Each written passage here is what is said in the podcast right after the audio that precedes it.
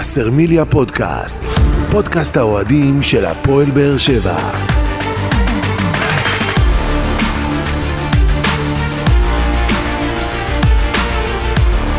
שלום לכם וברוכים הבאים לבשרמיליה פודקאסט, פרק 23 בסדרת פודקאסטים שמלווה את הפועל באר שבע לאורך העונה ותנסה להתמקד בנושאים שאתם, אוהדי הקבוצה, תעלו בפנינו בפלטפורמות השונות. ואנחנו פותחים פרק חגיגי במיוחד, גביע שלישי, עשה את דרכו אה, לנגב, לי באר שבע, בזכות היכולת הלוחמנית של אה, שחקני הפועל באר שבע במשחק הזה מול מכבי חיפה, אבל לפני שנתחיל לסכם... בוא אמר- נשיר. הנה זה מגיע, תנו לאליה להניף את הגביע. הנה, תשמע, הניף את הגביע אה, כמאמן הפועל באר שבע, זה היה החלום שלו, הוא גם דיבר על זה שהוא מת להשיג את זה, והשיג את זה בסופו של דבר, אנחנו נתעסק עוד אה, באליניב ברדה בהמשך, אבל נציג אתכם, ומיגל, ו... אה, נציג כן, אתכם, אותנו. גדעון אסולין, שלום שלום. שלום, שלום. עוזי ניסים, ערב טוב, ישראל היום. ערב טוב, חג שמח. חג שמח. חג שמח לגמרי, חג חגיגי כאן בעיר באר שבע. מטורף, אה, מטורף, ובסביבה, וכל אם האוהדים של הפועל נסכם את. כל השעות שינה שלנו, ואנחנו לא השחקנים, שהם עוד, אה, אתה יודע, מרעיונות לחגיון, נסכם את השעות שינה של שלושתנו, זה אולי שש שעות. לגמרי, לגמרי. אני לא ישנתי יותר משעתיים, אתה יודע, עם כל הנסיעה, הגענו מאוחר והתעוררנו מוקדם כדי להספיק אה, כל כך הרבה מטורף, דברים. איזה לילה, כי אנחנו איזה- כבר בשעות האחרונות של העונה הזאת, עוד מעט השחקנים מתעופפים ואנחנו אה, מתכוננים לעונה תקשיב, הבאה. לא בא לך לקום מהחלום הזה, זה כיף. לגמרי, זה- לגמרי. אנחנו חווים את החוויה הזאת, ואתה יודע מה, לקחנו גביע ב-2020 מול מכבי פתח תקווה לא בעידן אותו דבר. הקורונה, זה לא היה אותו דבר, לא. זה היה סוג של משחק אימון וחגיגות מאולצות בקטנה בגלל כל ההגבלות שהיו. ואתה יודע אבל מה, אנחנו תקרא- היום... ואתה יודע מה, יש, יש שיר שאומר תקראו לי משוגע, אז תקראו לי משוגע, אבל...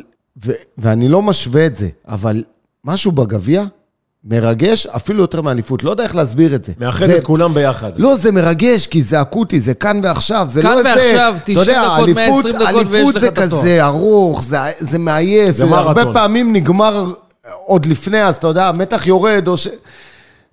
לא יודע, משהו בגביע זה מרגש, משהו בגביע זה הפועל באר שבע, זה... זה... הגביע זה חמש מטורף, משחקים בסך מטורף. הכל. וזה לא... מה שמרגש במיוחד בגביע הזה, זה שאוהדי הפועל באר שבע סוף סוף יכלו להיות גם חלק מהמשחק, כי ב-2020 לא היה לנו את זה. לא היה אף ומ-90 אחד. מ-97 בעצם רק פעם אחת, אוהדי הפועל באר שבע זכו לחגוג גביע במגרש הכדורגל, ולאחר אותו לעיר. מכן, ולהביא אותו לעיר. זה הפעם השנייה בסך הכל, ואנחנו בגלל זה גם מרגישים את ההתרגשות הגדולה בקרב האוהדים, והדבר שנעשה הוא דבר עוצמתי, אבל אם אנחנו מסתכלים על זה, להפועל באר שבע הגיע לקחת את הגביע הזה. כל אין- כך. איך, איך שאתה לא. תסתכל על ספק, זה, ללא ספק. הגיע לנו להביא גביע לעיר באר שבע, הגיע לשחקנים, הגיע למועדון, כי היינו שם, רצנו מול מכבי חיפה, אמנם פספסנו ב- בליגה אה, בלא מעט מקרים, אבל בגביע, כשבמשחק אחד הכל יכול לקרות, באנו נחושים מהדקה הראשונה, באמת. אנחנו באנו ב- ב- בתחושה שהגביע הזה הוא בהישג יד, ואנחנו יכולים לעשות את זה ולנצח את מכבי חיפה ולהביא אותו לעיר, אבל בואו נעשה את הסיכום בצורה אה, רצינית יותר, עם טיזר. סיכום משחק. טוב, אז בואו נסכם את המשחק. גדעון, דיברנו על זה לפני המשחק, על ההרכב שהולך לעלות איתו אליניב ברדה. בסוף ראינו שגם מרטינש לא כשיר והוא לא נכלל בסגל, וגם אה, חאתם אל-חמיד אה, לא היה בהרכב, והוא בחר לפתוח דווקא עם אורדדיה, דווקא בקו חמש. הפתיע את כולם. ולא ארבע, זאת אומרת שגם אנחנו היינו מופתעים, וגם מכבי חיפה, שאני חושב שזה, שזה טוב שאתה נותן ליריבה להיות uh, מופתעת במשחק הזה. והמחצית הראשונה מבחינת הפועל באר שבע התחילה מצוין, אנחנו עשינו, הגענו למצבים מול השער, הראינו לחץ גבוה, הראינו שליטה, ראינו את אנסה באמת לא מפסיק לרוץ על כר הדשא, ראינו את ספורי, ראינו את הבישול שלו לספורי, ראינו באמת קבוצה שבאה ורוצה לנצח. מההתחלה. מהדקה הראשונה, ואני חושב שבמכבי חיפה לא ראינו את זה, יכול להיות בגלל שאנחנו אלה שביטלנו אותם. אז קודם כל, אה, אתה יודע מה? שאפו גדול לאליניב ברדה, שאפו גדול אה, לשחקנים, לצוות, לכל מי שהביא את הגביע הזה, והבאנו אותו בזכות, לא בחסד, כמו שאתה אומר. אה, אליניב ברדה, אני אגב בפודקאסט הקודם אמרתי, אני לא יודע מה, לא יודע אם, אם, זה לא, אם זה לא נכון לא לפתוח עם אה, קו של חמישה בלמים, ו, ודיברנו על זה, דיסקסנו על זה, בסופו של דבר אליניב ברדה באמת הפתיע ופתח עם חמישה בלמים, ועשה את זה בצורה מפתיעה, אה, ואור דדיה ואנדר לופז באמת באו לידי ביטוי באגפים, ואנסה שיח, שיחקו עליו כל כך נכון, על המהירות שלו, על הכוח שלו. אה, אתה יודע מה, כמו שאמרת, וראיתי את הפוסט שלך היום, כמו שאמרת, אה, אה, אנסה זה אחד ש, שזכה לזה, אבל השמצנו אותו לא מעט העונה, כן. כי הוא לא פגע ו, ויצר לעצמו ציפיות, אבל בסופו של דבר, במאני טיים, גם בחצי גמר, גם בגמר, הוא היה מאוד מאוד מאוד דומיננטי, והפועל באר שבע לא התבטלה לרגע מול מכבי חיפה. מהשנייה הראשונה, אתה יודע מה? לאורך כל 90 הדקות, אני לא מתבייש להגיד בזה, הפועל באר שבע שלטה במגרש, במשחק הרגיל, במשחק השוטף. אה, היו כמה דקות לפרקים שנתנו להם את המתנות, וזה מאפיין מאוד את הפועל באר שבע, לתת את הפנדל הלא מחויב הזה, ופתאום הגול הזה, שלא יודע מאיפה הוא בא, משום מקום, ששני בלמים אה, ברמה של נבחרת עולים לכדור, ואחד מהם בדקה לוקח מאוד פנימה. קריטית, דקה דקה 88. 88, ואתה אומר, הנה, עוד פעם אנחנו בועטים בדלי, ואז מכבי חיפה, ונוצר שם איזה חוסר איזון, כי, כי ברדה, שאגב, יש קצת ביקורת על החילופים האלה, אבל את ספורי הוא הוציא כ- כאילוץ, בסדר? הוא, אה, כי היה שם מתיחה בשריר, אבל... הוא עלה עם חום גבוה גם. כן, הוא היה יום קודם- נכון, יום נכון. קודם חום גבוה. אז- זה לא פשוט לשחק עם חום גבוה במשחק כזה, ואתה יודע, אתה... אגב, עד היום. עד היום הוא לא מרגיש טוב, מקודם הוא שלח לי 39 מעלות, הנה תאמין עם המדחום, אז. אבל לא ספורי, ולא דור מיכה וגם אנסה. ספורי, לא זה. אה, קודם כל החלמה מהירה לרמזי ספורי, אבל, אה, אבל בדיוק, אז הוא, הוא גם הוציא את, אה, את דור מיכה, גם הוציא את אנסה, שמצד אחד אתה אומר בואנה איזה חילוף מנצח, כי אז אספריה שם הרים כדור לחתואל, אבל מצד שני, כשנוצר מצב שנכנס הגול העצמי של ויטור, ואז הם בשוויון, אין לך כלים. אנחנו נש... אתה יודע, האיזון הזה שהיה במגרש הופר, כי כל התותחים הכבדים של הפועל באר שבע עכשיו על הספסל, אין לך עוד, כן. יש לך עוד חילוף אחד, וכל התותחים של מכבי חיפה שחיפשו את הגול השני על המגרש. אז אתה אומר, בואנה, עכשיו יש לי את שרי, ויש לי את אצילי, ואת אבו פאני, וכולם שמה, מול אה, שחקנים שאני לא בטוח שיוכלו היה- להחזיק את היה זה. רגע ב-2-2, בשער הזה שספגנו, כי גם השער הראשון שספגנו לא מחויב, זה מתנה שנתנו להם את הפנדל הזה והם כבשו עם עומר אצילי, אבל דווקא בשער השני שלהם, שהם ישבו ל-2-2 בדקה 88, הייתה לי איזושהי תחושה שהגביע באמת הולך להתפספס פה, כי כמו שאמרת, אנחנו עם הכלים הלא הכי חזקים שלנו על המגרש. מכבי חיפה, את כל מה שהיה להם שמו על המגרש, ואנחנו לקראת הדקות האחרונות של המשחק, ויכול להיות גם הערכה. והייתה איזו תחושה שזה הולך נכון, כי לשם. גם הר, הר הגעש בירוק פתאום התעורר. לגמרי. אתה יודע, וכל האוהדים שלהם, והאוהדים שלנו פתאום כזה, אתה יודע, היו בשוק. דקה כן. 88, ואנחנו היינו בשוק, והספסל שלהם היו באקסטזה, אתה יודע, הספסל שלהם, כן. ההתנהלות שלו, עזוב, זה כבר פרק בפני עצמו, ולא צריך לתת להם את הבמה, אבל התנהלות של גן חיות, כמה שאנחנו משבחים ואוהבים את בכר, ויש לו פינה חמה בלב, תדע לנהל את הצוות שלו. אני חושב שיש לא- לו חלק אתה יודע, לא אז- קטן. מה זה ב- חלק לא קטן? אתה יודע, זה... שהקבוצה שלו נראית. תקשיב, תקשיב. עזוב, עזוב את מכבי חיפה, לא, נו, לא, לא, אני חייב להתייחס לזה, אני חייב. להתייחס לזה, אני? חייב להתייחס לזה. אתה יודע, זה בפאסון, הוא בידיים מאחורי הגב, ומאחוריו גן חיות. התרגלנו לגיא צרפתי, שהוא באמת בסדר, תת רמה אני מבחינתי, אבל-. במשחק אתמול, גם גיא וייזינגר וגם דרור שמשון, שאנחנו מאוד אוהבים את שניהם, התנהלו. עכשיו, בסופו של דבר, יש מנהל אחד לכל הריבוע הזה שנקרא שם אה, האזור הטכני, זה המאמן. וברק בכר לא מנהל, לא, מאמן, לא מנהל את הצוות שלו כמו שצריך, או שהוא אומר להם, חבר'ה, תעשו את הרעש, לא- תנו לי להיות זה- עם הידיים זה מאחורי פחות הגב. אמור להיות, לא, כי אה, זה גם. טרשטוק עם שחקנים, כן, הם. מוציאים, הם מנסים להוציא את אנדר לופז מהמשחק, הם מנסים להוציא את, את, אה, איתן טיבי ואת ויטור. בואו נסתכל על הדברים הטובים, עזוב, עזוב, חיפה... אוקיי, אה, סתם זה עצבן אותי כל המשחק. אני רוצה. רגע לתת פה מילה טובה למכבי חיפה, לנטע לביא ולשחקנים שנשארו לכבד את רגע ההנפה של הפועל באר לא שבע. חושב שהייתה להם ברירה, אגב, אני לא- יש לא, לא, לא, חוקים לא, מאוד לא. ברורים בהתאחדות לא, חוקים לכדורגל, מה זאת אומרת? יש חוקים. אני יש ראיתי... ברור שיש חוקים, אני ראיתי חוקים, הרבה. מהשחקנים בורחים למטה בראשם. זהו, אני לא בטוח. אבל הם חזרו, הם הם חזרו לא כשקראו להם. הוא צודק, הוא צודק, לא כולם היו שם. בדיוק, אתה מבין? נטע לביא ריכז אותם, וזה צריך לא, באמת, כל הכבוד, מילה טובה. זה לא קורה בכל אבל לא-. טוב, בואו אבל- בואו נמשיך בסיכום, אנחנו אוקיי, מתרחבים אוקיי, אנחנו סתם, אנחנו קופצים, כי מפוזרים, אנחנו בואו נתמקד. ואנחנו על, אה, הגענו- הגענו להערכה, ועם כל מה שאמרנו, כ- לא היה לנו את הכלים ולא כלום, הגענו להזדמנות מצוינת אז- של אז- אספריה בדקה ה-116-17. אז רגע, רגע, רגע, רגע, עוד לפני כן הגענו להערכה אחרי 90 דקות, באמת בשליטה של הפועל באר שבע, אפשר להגיד את זה. היו אולי 10 דקות שחיפה הייתה קצת בעניינים, אבל שליטה של הפועל באר שבע בהערכה שם קצת נשברה לנו הרוח, ואז הח- החלק הראשון של ההערכה, מכבי חיפה יותר לחצה אותנו, קצת יותר השתלטה על המשחק, זה היה אבל מאוד לא מאוד היה מסוכן. משהו שאתה בסופו של אומר דבר- מסכן. לא, בסופו של דבר הם לא הצליחו ל- ל- ל- ליישם את זה ולעלות ליתרון ולקחת את המשחק. והחלק השני של ההערכה היה מעין איזה garbage 2 מתארך, כבר שחקנים די נפלו מהרגליים מבחינת העייפות והכל, נפלו גם. ובסופו, כן, כן. נפלו נכון. הרגליים. ובסופו של דבר הגענו לפנדלים, ואנחנו אומרים, בואנה, פנדלים אצלנו, וגמר גביע, זה לא משהו שמבשר טובות. והתסריטים של אורן סגרון כבר רצו לנו בראש. כן, היה לנו. את הפועל לוד 84, הפסדנו בפנדלים, והיה לנו את רמת גן ב-2003 הפסדנו בפנדלים, ועכשיו מכבי חיפה, שכבר לקחה לנו הכל העונה, הכל, תנו לנו קצת, משהו, קצת לחגוג עליכם, לראות אתכם יוצאים מהאצטדיון בבושת פנים. וזה ואנחנו קרה בסוף. וההחמצה זה הראשונה אבל כן, אבל לפני זה שזה קרה, זה היה מותח, מותחן, אני חושב ש... וההחמצה אה, מי הראשונה של כדורגל- אספריה- מי שאוהב כדורגל ולא אוהד, לא מכבי חיפה ולא הפועל באר שבע. נהנה מהמשחק. נהנה, אני חושב לא. שזה אחד המשחקים נכון. הטובים הטובים מבחינת שהיו. כדורגל ומתח ודרמה שנבנתה. אני- אני- זה הדבר הכי אידיאלי שההתאחדות לכדורגל הייתה יכולה ל- אני לקבל. מסכים איתך, כי לא, אני לא זוכר מתי הייתי במתח כמו במשחק אתמול. הכל היה מותח, הכל המשחק הזה, ופעמיים באר שבע עלתה ליתרון ופעמיים הם חזרו.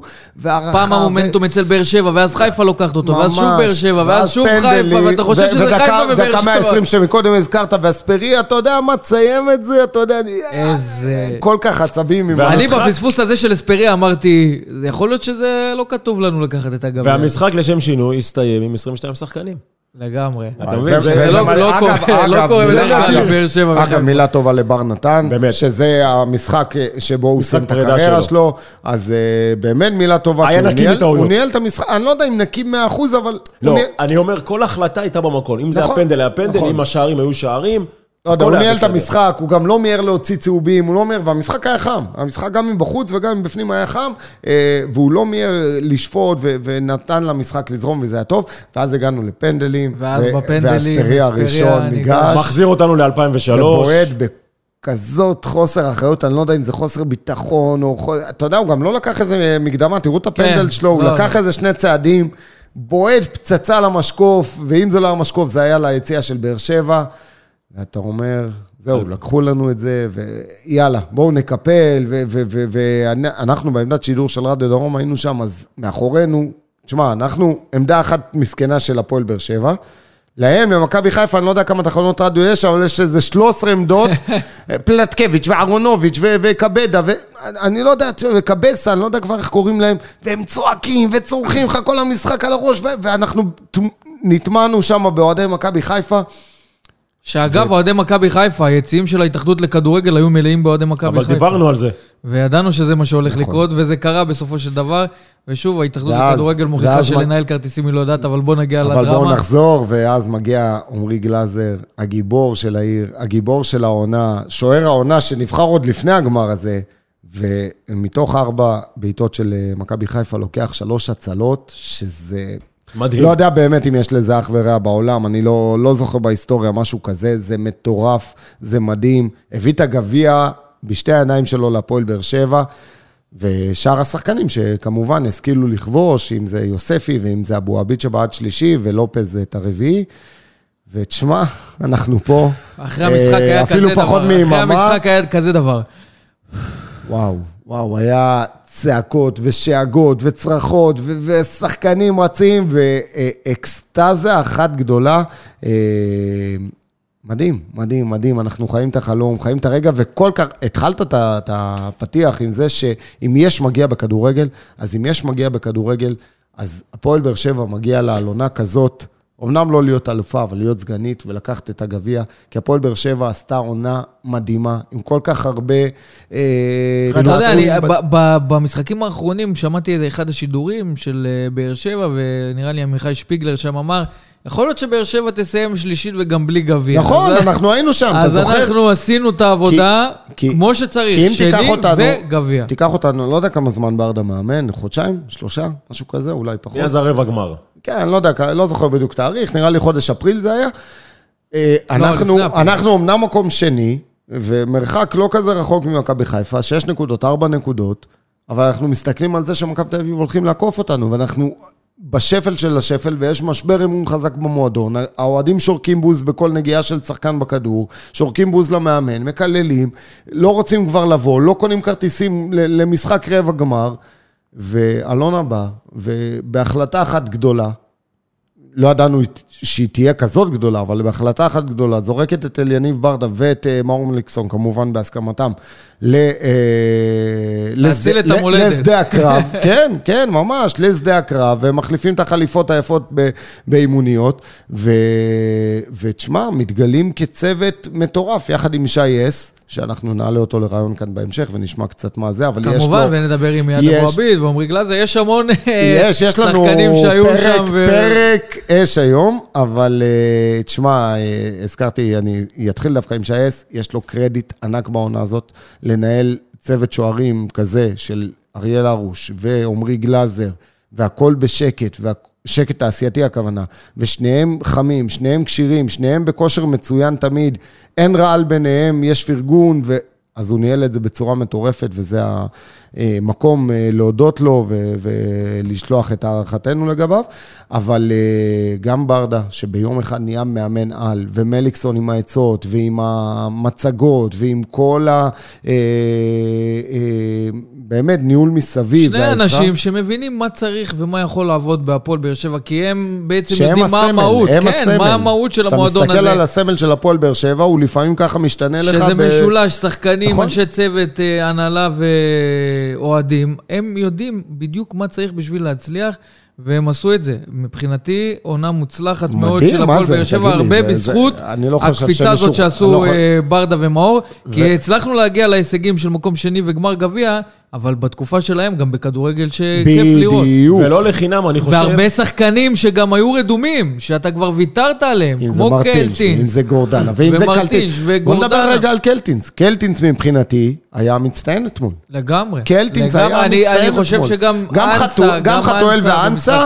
גם חתואל ואנסה, אבל חתואל איפשהו, אה, אנסה הוא איפה שהוא הוחלף, ואז חתואל, אבל קלטינס סיים עם אבל אל 120 תשכחו דקות, שקלטינס, והיה מצוין. אתמול הוא היה משכמו ומעלה, נכון? וזה יותר מחזק את זה. הוא לא שיחק הרבה בתקופה האחרונה. כן. נכון. הוא היה אבל שחקן כל פעם שקראו לו, הוא נתן. כולו. מדהים, זה היה שחקן כל מקצוען. בויני כזה, בשלושה ארבעה משחקים האחרונים אתה רואה אותו נותן מעצמו 100%, ואיך אתמול אמרה לי אמא שלו, הוא אוהב לשחק בבית. והמשחק היה בטדי. לא, אבל אה, תשמע, אתה יודע האמת מה שהוא היה העלה לנו... גם בסטורי איזה בעיטה, ראיתם את הבעיטה שלו, כמעט הוריד שם איזה נכון. שניים, שלושה צלמים, אבל היה לו אחד כזה בביתר שהוא גם נכון הצליח שהוא לכבוש, כנראה הוא ניסה לחכות את זה. ואתה יודע, הוא איש עבודה למופת, והיום שאלנו, היה לנו רעיון עם אה, אביתר אילוז בבוקר, ושאלנו אותו, מי השחקן הכי פחות מוערך לדעתך בהפועל באר שבע? והוא ענה, בלי. למצמץ, דוד קלטינס. ברור. נכון, אבל, נכון, אה, אבל זה, הוא, אני מבחינתי מסתכל עליו גם על נכס, כי אתה, למרות שהוא לא קיבל הזדמנויות, כמו שאומר פה עוזי, לא שמעתם ממנו שום דבר, ובכל זאת, כשהוא נקרא לדגל, הוא לא עושה פרצופים, לא, הוא לא... תמיד. בא ונותן מעצמו. עבודה. שחקן שקט, שהרבה מועדונים היו רוצים שיהיו כאלה, מקצוען, שאתה שולף אותם מהבוידם, נותנים זה הכל וגם אין תלונות. זה שחקן תמיד שהוא מחייך, נכס לכל תמיד. מועדון, ואני מקווה שיש לו, איך הוא אמר אתמול, יש לו עוד אה, שנתיים חוזה פה, עם אופציה לבאר שבע לש- לשנתיים. אני, אין לי זה ספק שחקן שאתה חייב אותו שהפועל באר בסגל. שבע תממש את האופציה ותרוויח שחקן לאורך טווח. ואני רוצה רגע לחזור שנייה אחת, שאתם דיברתם פה על החיבור של ברדה ומליקסון. אלונה עשתה פה פעולה, עשתה פה איזה מעשה שלא כולם יודעים עליה. היא לקחה את מאור מקבוצת הנוער, כולל לשנה הבאה, והשאירה, היא תשאיר אותו בבוגרים. מאור מה זה מליקסון- כולל לשנה הבאה? מאור מליקסון לא חוזר לנוער שנה הבאה. מאור לא מליקסון... חוזר לתפקיד שלו לא, תפקיד, לא, כמנהל הוא לא מקצועי יחזור של לתפקיד של הנוער? מנהל מקצועי של הנוער. מאור מליקסון ממשיך שנה הבאה בבוגרים, וזה יותר מרמז. מה זה ממשיך בבוגרים? מי היום כי אם הוא בכובע ממשיך שלו? בבוגרים, רגע, אז מי אז הי- מי שיהיה שמוליק בעמדת... חנין. מי שיהיה בעמדת המאמן צריך להיות אליניב ברדה. אם אם אז אמרתי, מליקסון... יותר מרמז. יותר מרמז, הוא נותן לי פה חידות, יותר מרמז.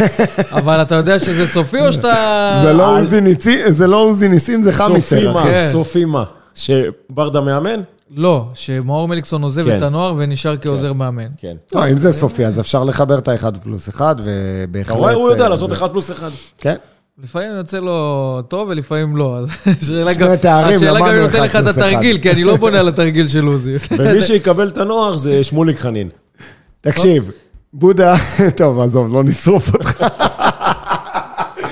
עזוב, רציתי ללכת למקומות של ג'וסמו וכאלה, אבל עזוב. אנרגיות טובות. אנרגיות חיוביות. אני רואה אנרגיות טובות. אבל- תקשיב. אבל תקשיב. אבל אני רוצה, לא. הזכרנו את קלטינס, אני רוצה גם, אה, דיברת על זה גם אה, על אנסה שביקרנו אותו, גם הוא במשחק אה, טוב, ובאמת מעריכים את הקרבות וזה שהוא רץ ולא... בחצי. ובגמר אנסה היה... פשוט, פשוט ידעו לשחק עליו נכון אתמול. השאלה אם ניצלו את לגבי אנסה, ה- את כן, האדישות ואת האיטיות של השאלה אם כן הייתם. ממשיכים איתו בעונה הבאה. אני לא חושב, אני לא חושב. כי לאורך זמן, אה, אתה אתה מודד בסוף, חל- הוא חלוץ. ואתה מודד חלוץ מספרים. במספרים. אם לא בשערים, אז אתה יודע מה, באיומים, ב- בפעולות שהוא עשה. אז נכון, שני משחקים, אה, אה, חצי גמר וגמר, באמת ראויים לציון, אין ספק. אבל, ותחילת עונה ראויה לציון. אבל הוואקום הזה, שבין לבין, טוב, אנחנו עוד אם נסכם את אם העונה כבר זה- בהמשך. זה כבר אם סיכום כבר עונה. נגעת אבל רגע בזרים לעונה הבאה, אז אני יכול להגיד לך שאספריה, לופס ורוקאביצה לא מומש החוזה עליהם לשנה הבאה. רוקאביצה ישראלי, כן. כן, לא מומש החוזה עליו, עליהם לשנה הבאה. הסימן שאלה זה אנסה ומר מרטיני. לא חושב מרטיש, ש- אני יודע מר שכן ימשיך. שנה הבאה. לגבי אנסה ומר מרטיני, בואו נחכה ונראה. מרטין, זה מעולה שהוא ממשיך, כי באמת הוא נכנס לעניינים.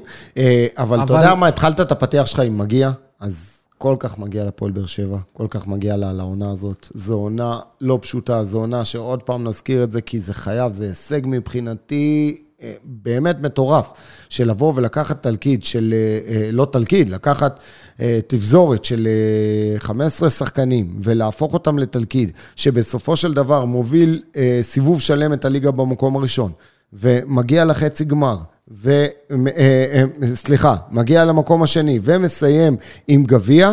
אה, עם צוות מקצועי חדש שמתחלף במהלך העונה, ועם מנכ"ל חדש, ועם מנהל, כמו שאמרתם, מנהל מקצועי, והכל חדש פה, שמע, זה הישג מטורף, ולהפועל באר שבע כל כך מגיע, כי גם הכל הלך לה קשה, לא רק במשחק כן, אתמול. כן, כן, אתה יודע מה, המשחק אתמול מבחינתי, זה... תמצית אה, העונה זה- של הפועל באר שבע. בדיוק, בדיוק, זה תמצית העונה להפועל באר שבע. מי שרוצה לדעת איך העונה של הפועל באר שבע, שיראה את המשחק אתמול. זה משחק של רכבת הרים, זה, זה עונה של רכבת הרים מבחינתי, של רגשות, של פתאום אתה הכי מאמין בעולם, ויום שני, יום אחרי זה אתה מאמין שלא תצא עם כלום עם העונה הזאת. אז הפועל באר שבע, גם אם נסתכל רק על הגביע, אז היא עברה גם את המסלול הכי קשה, היא עברה את ביתר תל אביב, והיא עברה את מכבי נתניה, והיא עברה אחרי זה את מכבי פתח תקווה, ואת מכבי תל אביב ואת מכבי חיפה.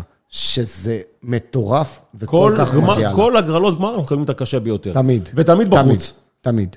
ו- ועשינו את זה בסופו של נכון. דבר, וצריך להודות לכל האנשים שהיו חלק מזה, גם שחקני הפועל באר שבע, ובראש ובראשונה עמרי גלאזר, שבאמת בידיים שלו, כמו שגדעון אמר, הביא את הגביע לבאר שבע, וגם אליניב ברדה, שעשה את כל הפעולות הנדרשות כדי להכין את הקבוצה אה, בצורה טובה למשחק הזה, ואני מאמין שהוא גם העביר את המסרים הנכונים לשחקנים, וידע בדיוק מה להגיד ומתי, כדי שהשחקנים יבואו ויצאו כמו מילואה של תותח, כי אני הרגשתי ששחקני הפועל באר שבע עלו למגרש הזה, שהם יצאו בשביל לטרוף.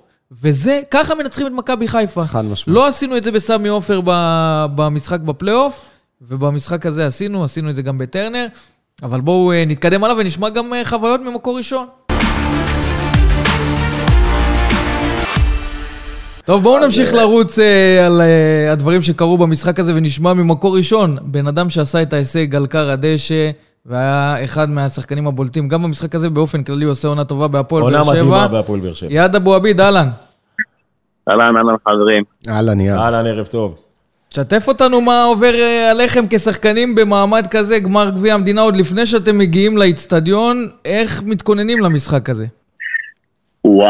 אה, קודם כל, ידענו שהאצטדיון יהיה מלא, אפס מקום.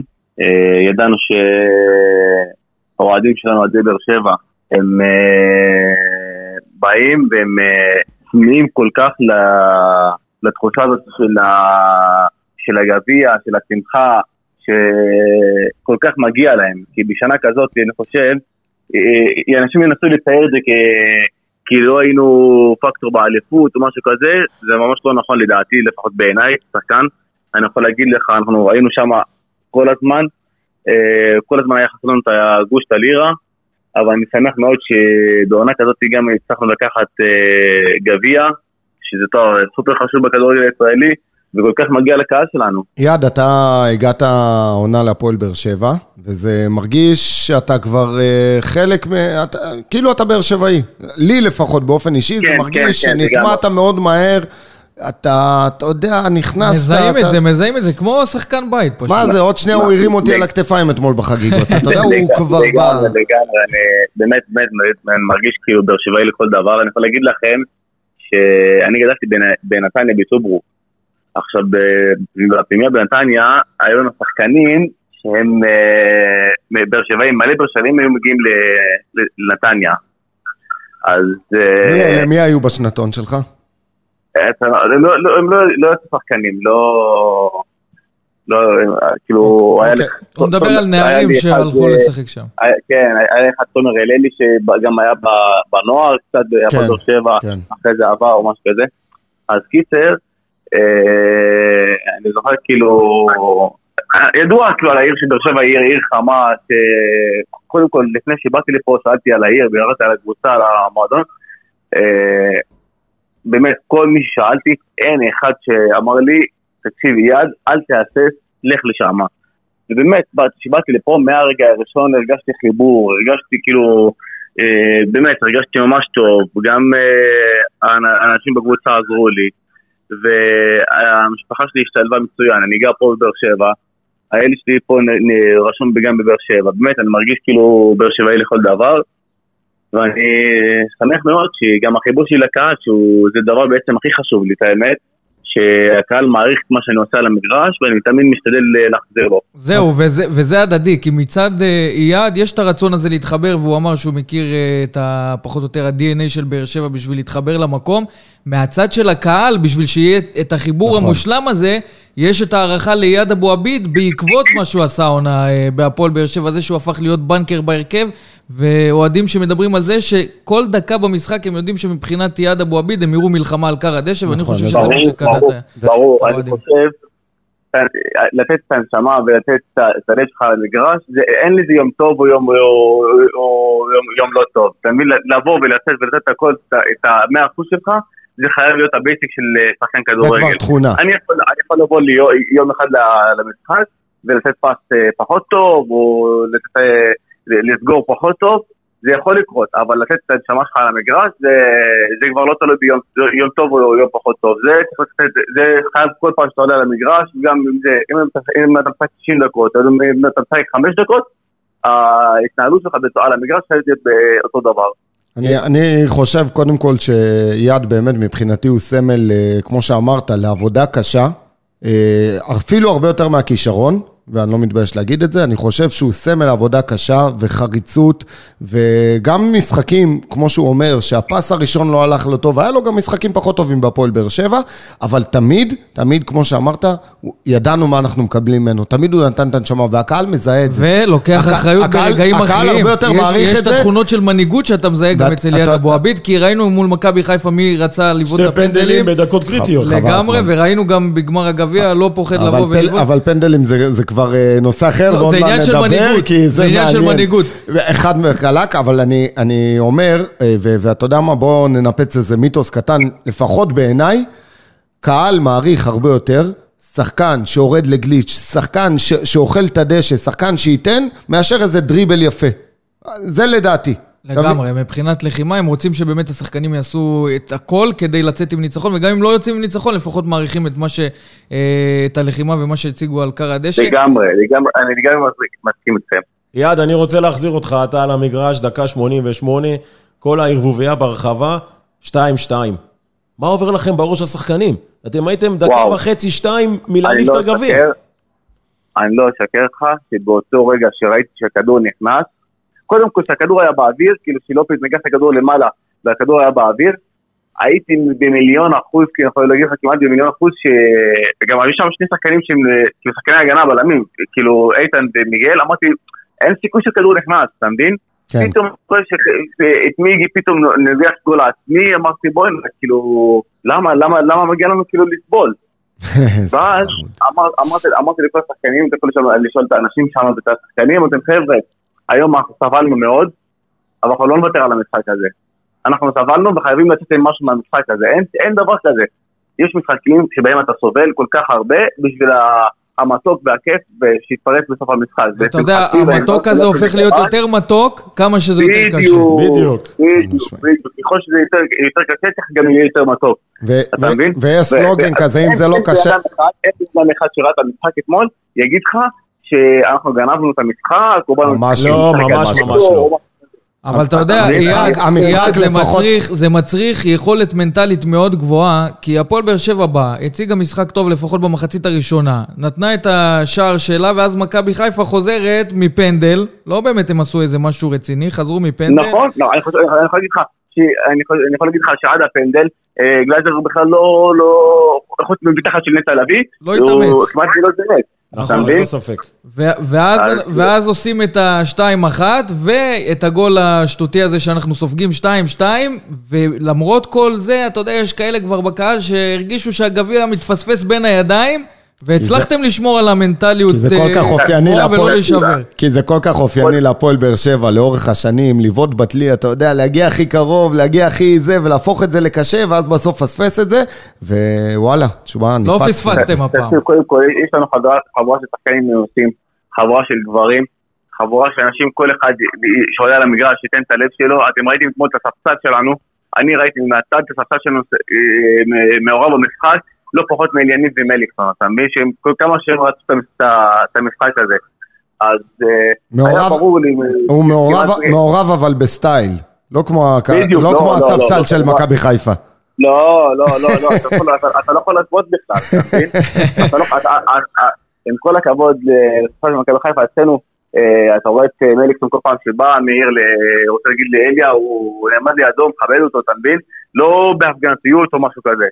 אתה מבין? כאילו, אתה- אתה רואה- אתה רואה את הקלאס של אה, של אליניב על- הקווים. נכון. ותגיד לי, אם אוקיי. כבר נגענו בנקודה הזאת, עד כמה, אה, אה, כי, זה נראה לפחות מלמעלה ואני בטוח, הקהל של מכבי חיפה, אה, גם לא רק במשחק אתמול, הוא פונה לשחקנים שלנו, נכון? הוא מדבר איתכם תוך כדי משחק, כן, זורק כן. הערות, מנסה להוציא אתכם כן, מאיזון, נכון? כן, כן, כן. אה, נכון, זה, לגמרי, צודק במאה אחוז, אבל פה זה כבר אה, הגדולה של שחקן לדעת להתנתק מהרעשי רקע, להיות מרוכז רק במשחק, ל- ל- ל- להפוך את מה שהם אומרים לך לדרייב הזה ש- שיניע אותך בתוך המשחק, אתה מבין, בשביל לנצח.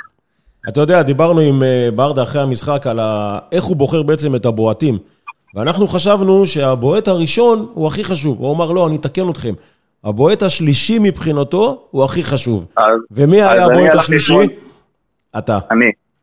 אני הלכתי אתמול, את האמת, שעשו את הרשימה, באתי את האמת למליקסון, אמרתי לו, מלי, שמע, אני רוצה רושיון. הוא אומר לי, לא, לא, לא, יד, אין סיכוי. אמרתי לו, תן לי, חייב להיות, כאילו, חייב- חייבים לפתוח ברגל ימין את הבעיטות וזה. הוא אומר לי, יד, הבועט הכי חשוב זה הבועט השלישי, באמצע. אמרתי לו, טוב, אתה מחליט, שים אותי מה שאתה, שים אותי ראשון, שני, שלישי, לא משנה, אבל העיקר שאני אבעט. אתה מבין? אבל לשמחתי, זה רק... אה, תגיד לי, אתה... רגע, מי שבעט ראשון זה אספריה. נכון. מה הייתה התגובה כן. שלך? כי אני אני רוצה להזכיר לכם, בפרק הקודם ראיינו את אורן סגרון, וב-2003 קרה פחות או יותר אותו מצב, הפועל באר שבע מגיעה ל... אגב, אני הייתי לפנדלים. בטוח ש- לפנדלים. אני הייתי בטוח שאתמול זה הראשון העתק. הדבק. כולם חשבו כמוך. כולם, זה כאילו. זה תסריט שרץ בראש, אה, ואז נכון. הפנדל הראשון אז הוחטא על ידי רמי אליהו, ופה אספריה בועט, מחטיא. לא, לא רק בגלל הפנדלים, בגלל איך שהמשחק התנהל, שאתה יודע, כביכול באנו ושלטנו במשחק, ואחרי זה הערכה, וההחטאה הראשונה, הכל חזר לי. תשמע, רציתי למות בו. אני- אני- יד, אני היה יכול להגיד פחד שזה הולך ב- להתפספס בהחטאה הזאת? כן, כן, אני יכול להגיד לך שכאילו, יש רגעים במשחק שהייתי מודד את החברים שלי, וכאילו, בוא נגיד אחרי ה-2-2, ראיתי שכולם מרוסקים וזה, וניסיתי ניסיתי לעשות עם הידיים, יאללה חבר'ה, ולא נורא וזה, ואני בתוך תוכי, כאילו, לא יודע, אני אומר, יאללה, ידע, אתה חייב שמישהו ירים אותך, אתה בעצם, אני פתאום, אני פונה לקהל שיתחיל לעודד, כי שמע, לקבל גול דקה 88 זה... לא פשוט. זה דבר כאילו הכי קשה שיש, אתה מבין? זה... אתה ועוד במשחק על תואר, אתה רואה עוד, אתה אומר לעצמך עוד שלוש ארבע דקות נגמר המשחק, אנחנו מתחילים לחגוג ויאללה, ואנחנו גמורים אתה מבין? ואתה יודע איפה היותר בעיה? הבעיה שברדה כבר לא... אתה יודע, לא ציפה לקבל את הגול הזה. הוא כבר עשה את כבר- הוא כבר הוציא את. התותחים הכבדים. מכבי חיפה נכון. לעומת זאת חיפשה את השוויון, הייתה עם כל התותחים הכבדים, ונוצר איזה חוסר איזון כזה במגרש, לא, ו...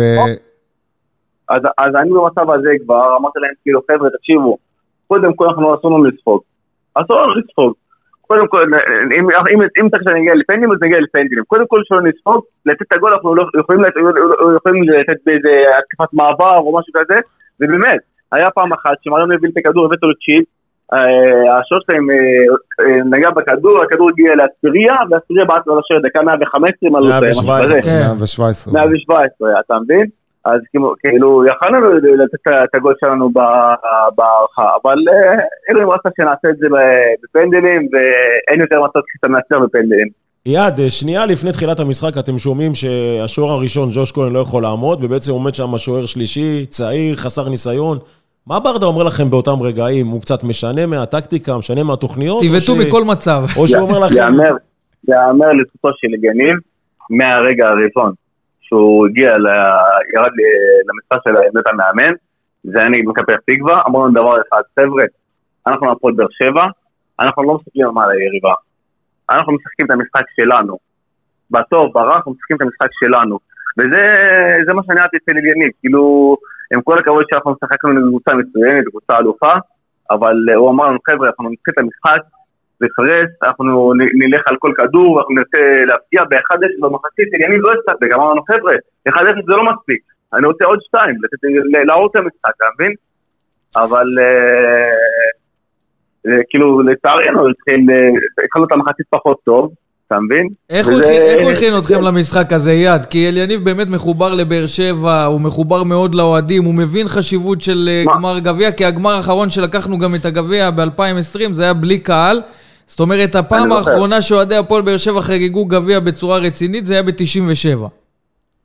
אז אני יכול להגיד לך שאליניב, חוץ מזה שהוא כביכול אה, אה, מאמן מצוין, גם אין, אה, לדעתי הוא הצליח השנה, ואם הוא ימשיך הוא יצליח עוד יותר. הוא אמר לכם, לא? הוא כבר אמר לכם. שהוא ממשיך, לא? הוא הודיע לכם, לא, לא? לא יודע, לא, לא, לא, לא, לא אמר, לא אמר, לא לא. אתה מבין, עוזי ניסים אל- להוציא. כותרות פה.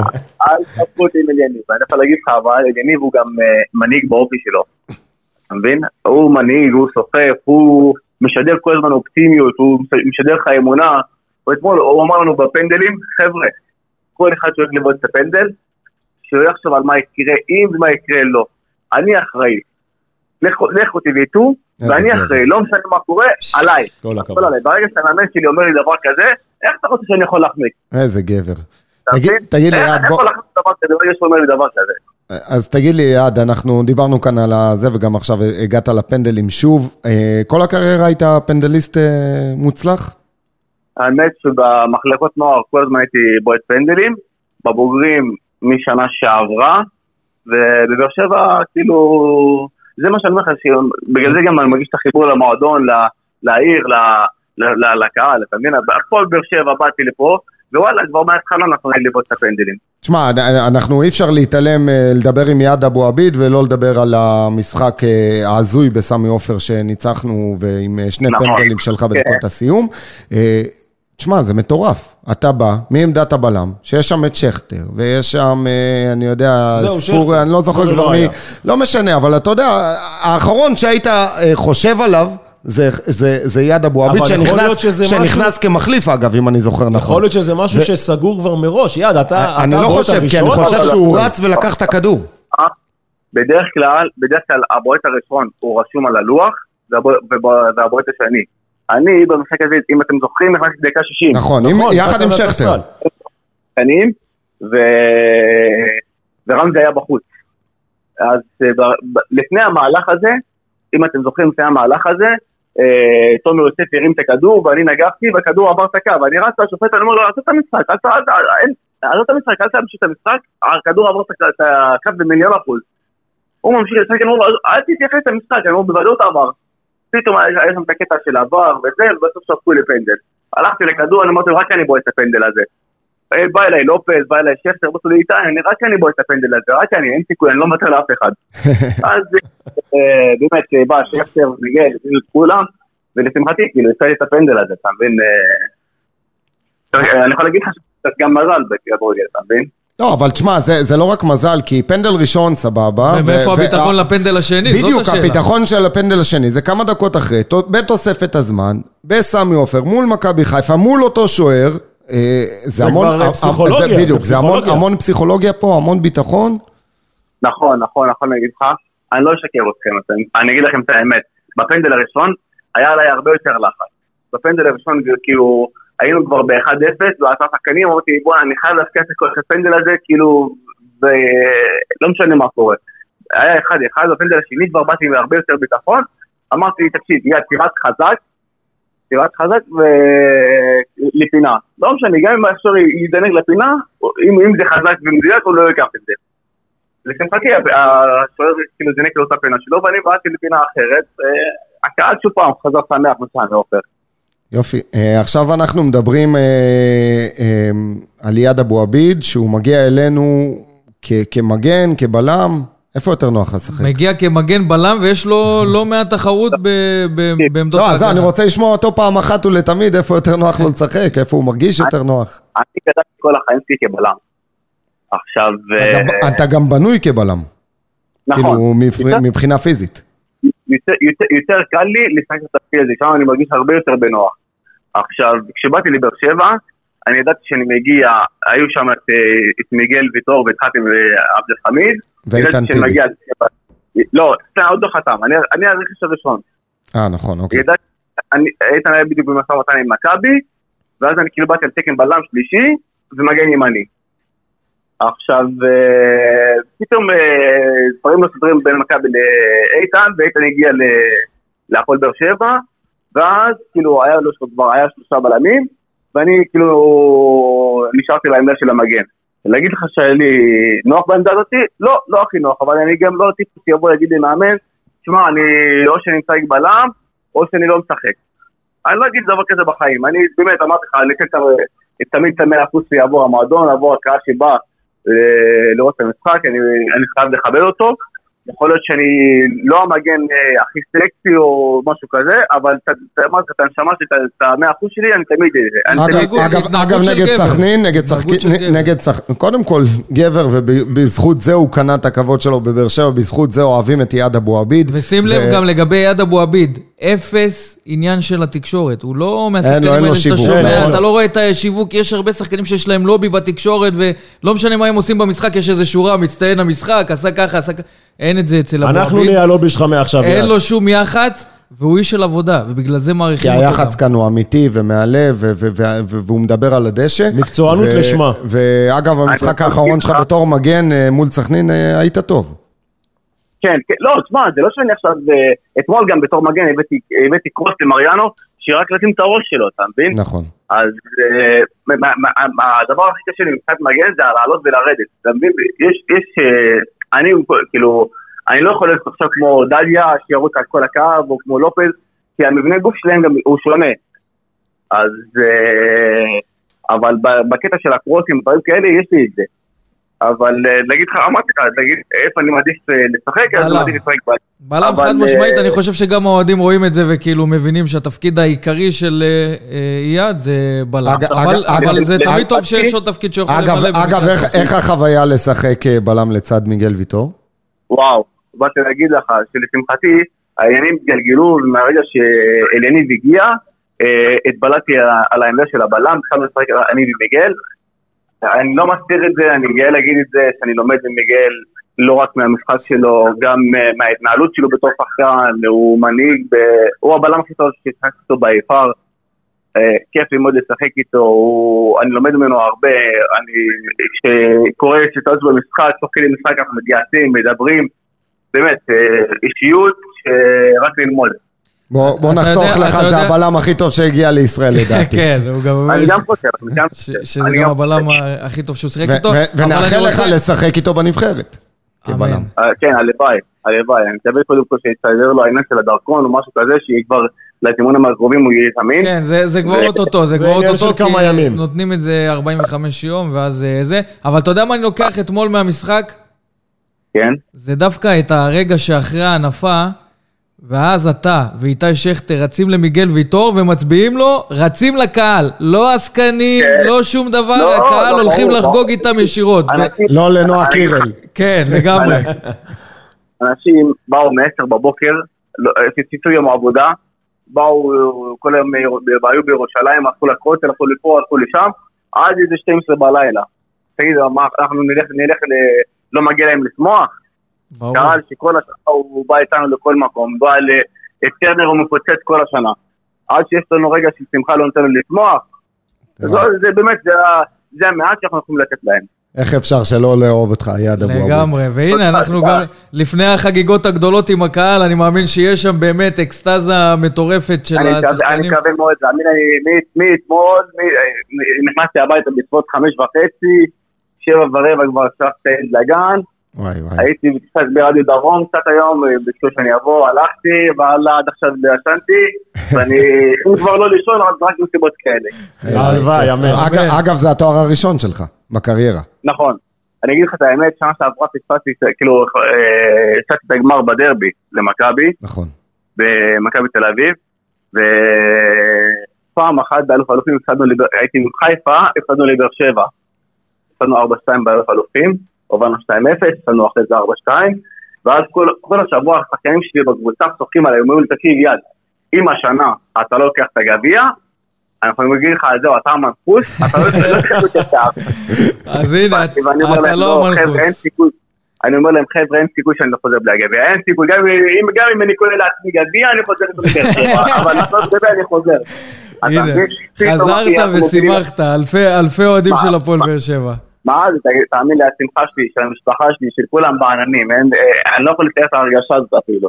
נאחל לך באמת, יד, שכן ירבו תארים, זה התואר הראשון ועוד תארים עם הפועל באר שבע. ושתישאר כאן לעוד שנים רבות, כי יפה, אנחנו. שמחים וזכינו לשחקן. ענק ולבן אדם ענק. היה כיף מאוד לדבר איתך. יד, כיף מאוד. וכמובן, בהצלחה. עם הנבחרת. תודה רבה. תודה, תודה. בואו נעבור עכשיו לדבר עם האישה הראשונה היום בעניין של הכדורגל הישראלי. מישהי שאם מעריכים את בעלה, אז צריך להעריך גם אותה, וזו לא אלונה. וזה לא אלונה. שלום, אה, אדווה ברדה. שלום, ערב טוב לכם, צהריים טובים יותר נכון.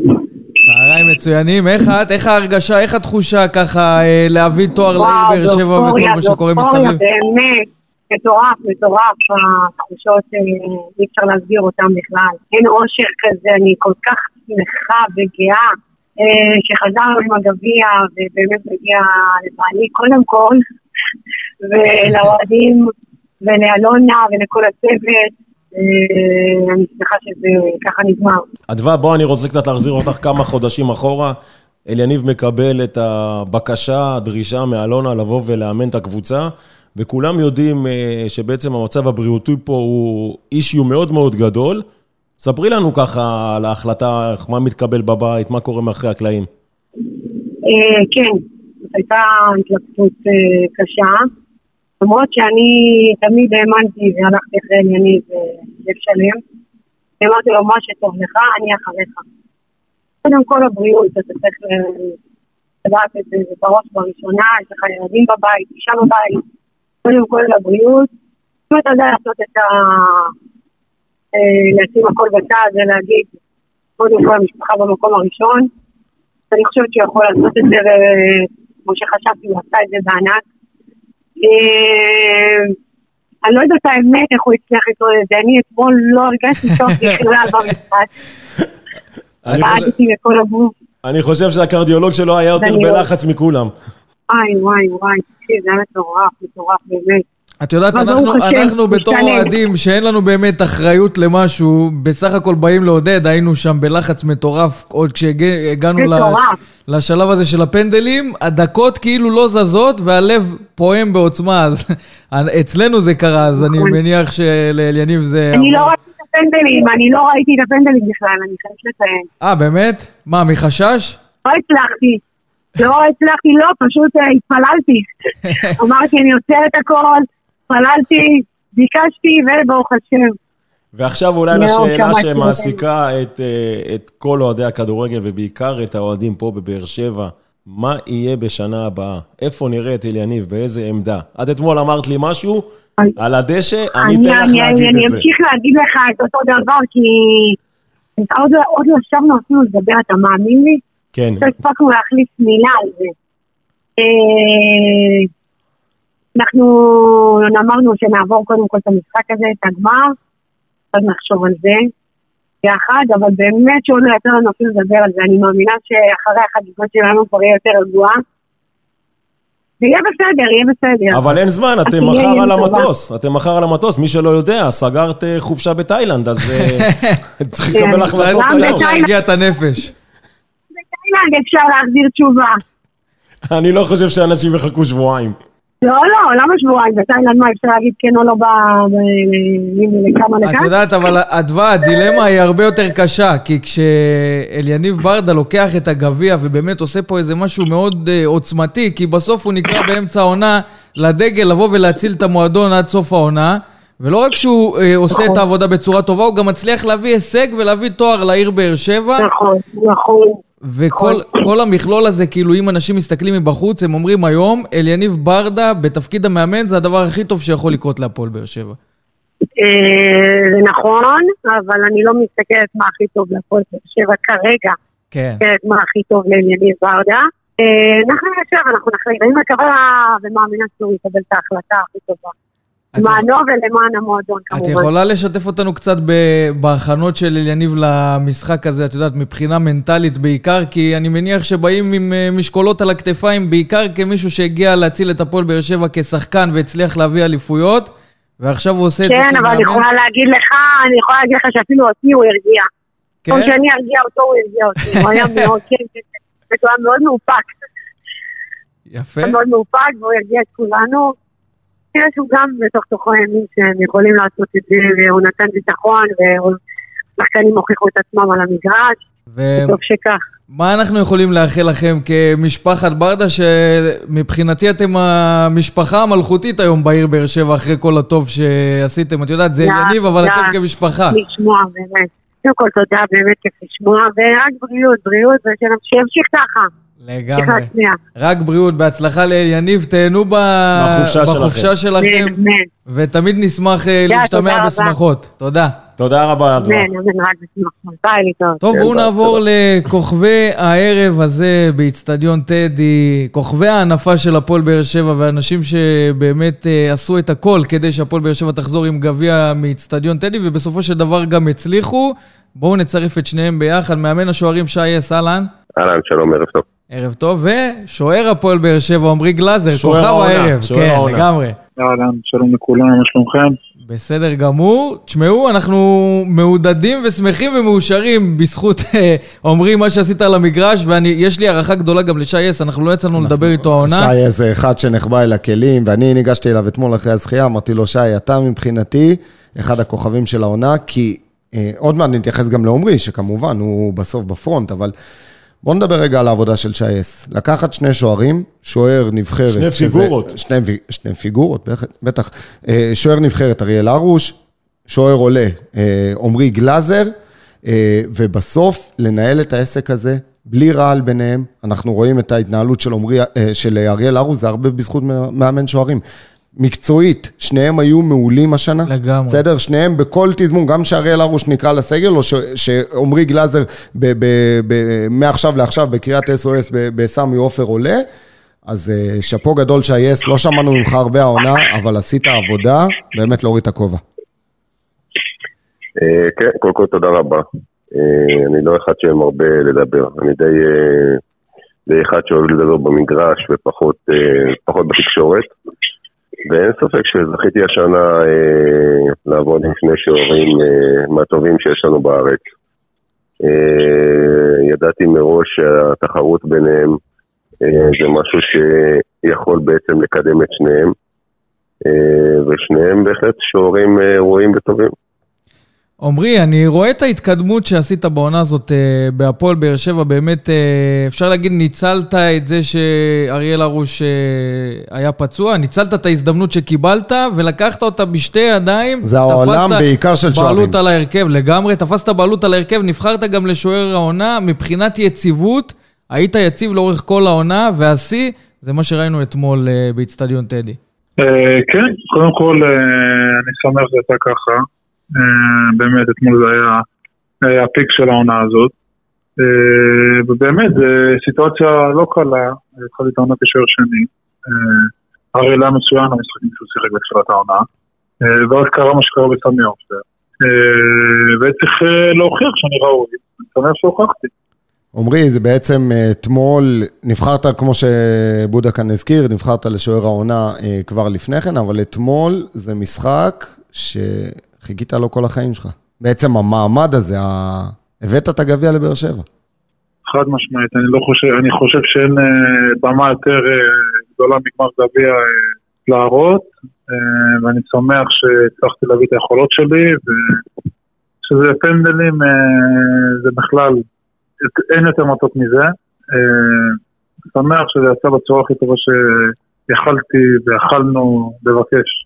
תראה, אני לא יודע, אני לא יודע אם יש לזה אח ורע בעולם של לקחת אה, שלושה פנדלים מתוך אה, ארבע בעיטות, אה, אני צריך לבדוק את זה, באמת, זה נתון מטורף. אה, לא, הם לא הגיעו לבעיטה החמישית בכלל. לפני שאתה לוקח אותו לשם, אבל, עוד אוקיי. לפני הפנדלים ראינו תמונה, יש תמונה אז זהו, זהו, זה מה. שרציתי לשאול אותו, עד כמה, אה, בסוף אתה זה שזינקת שם, אבל עד כמה אחוזים יש לשי אס בהצלות האלה?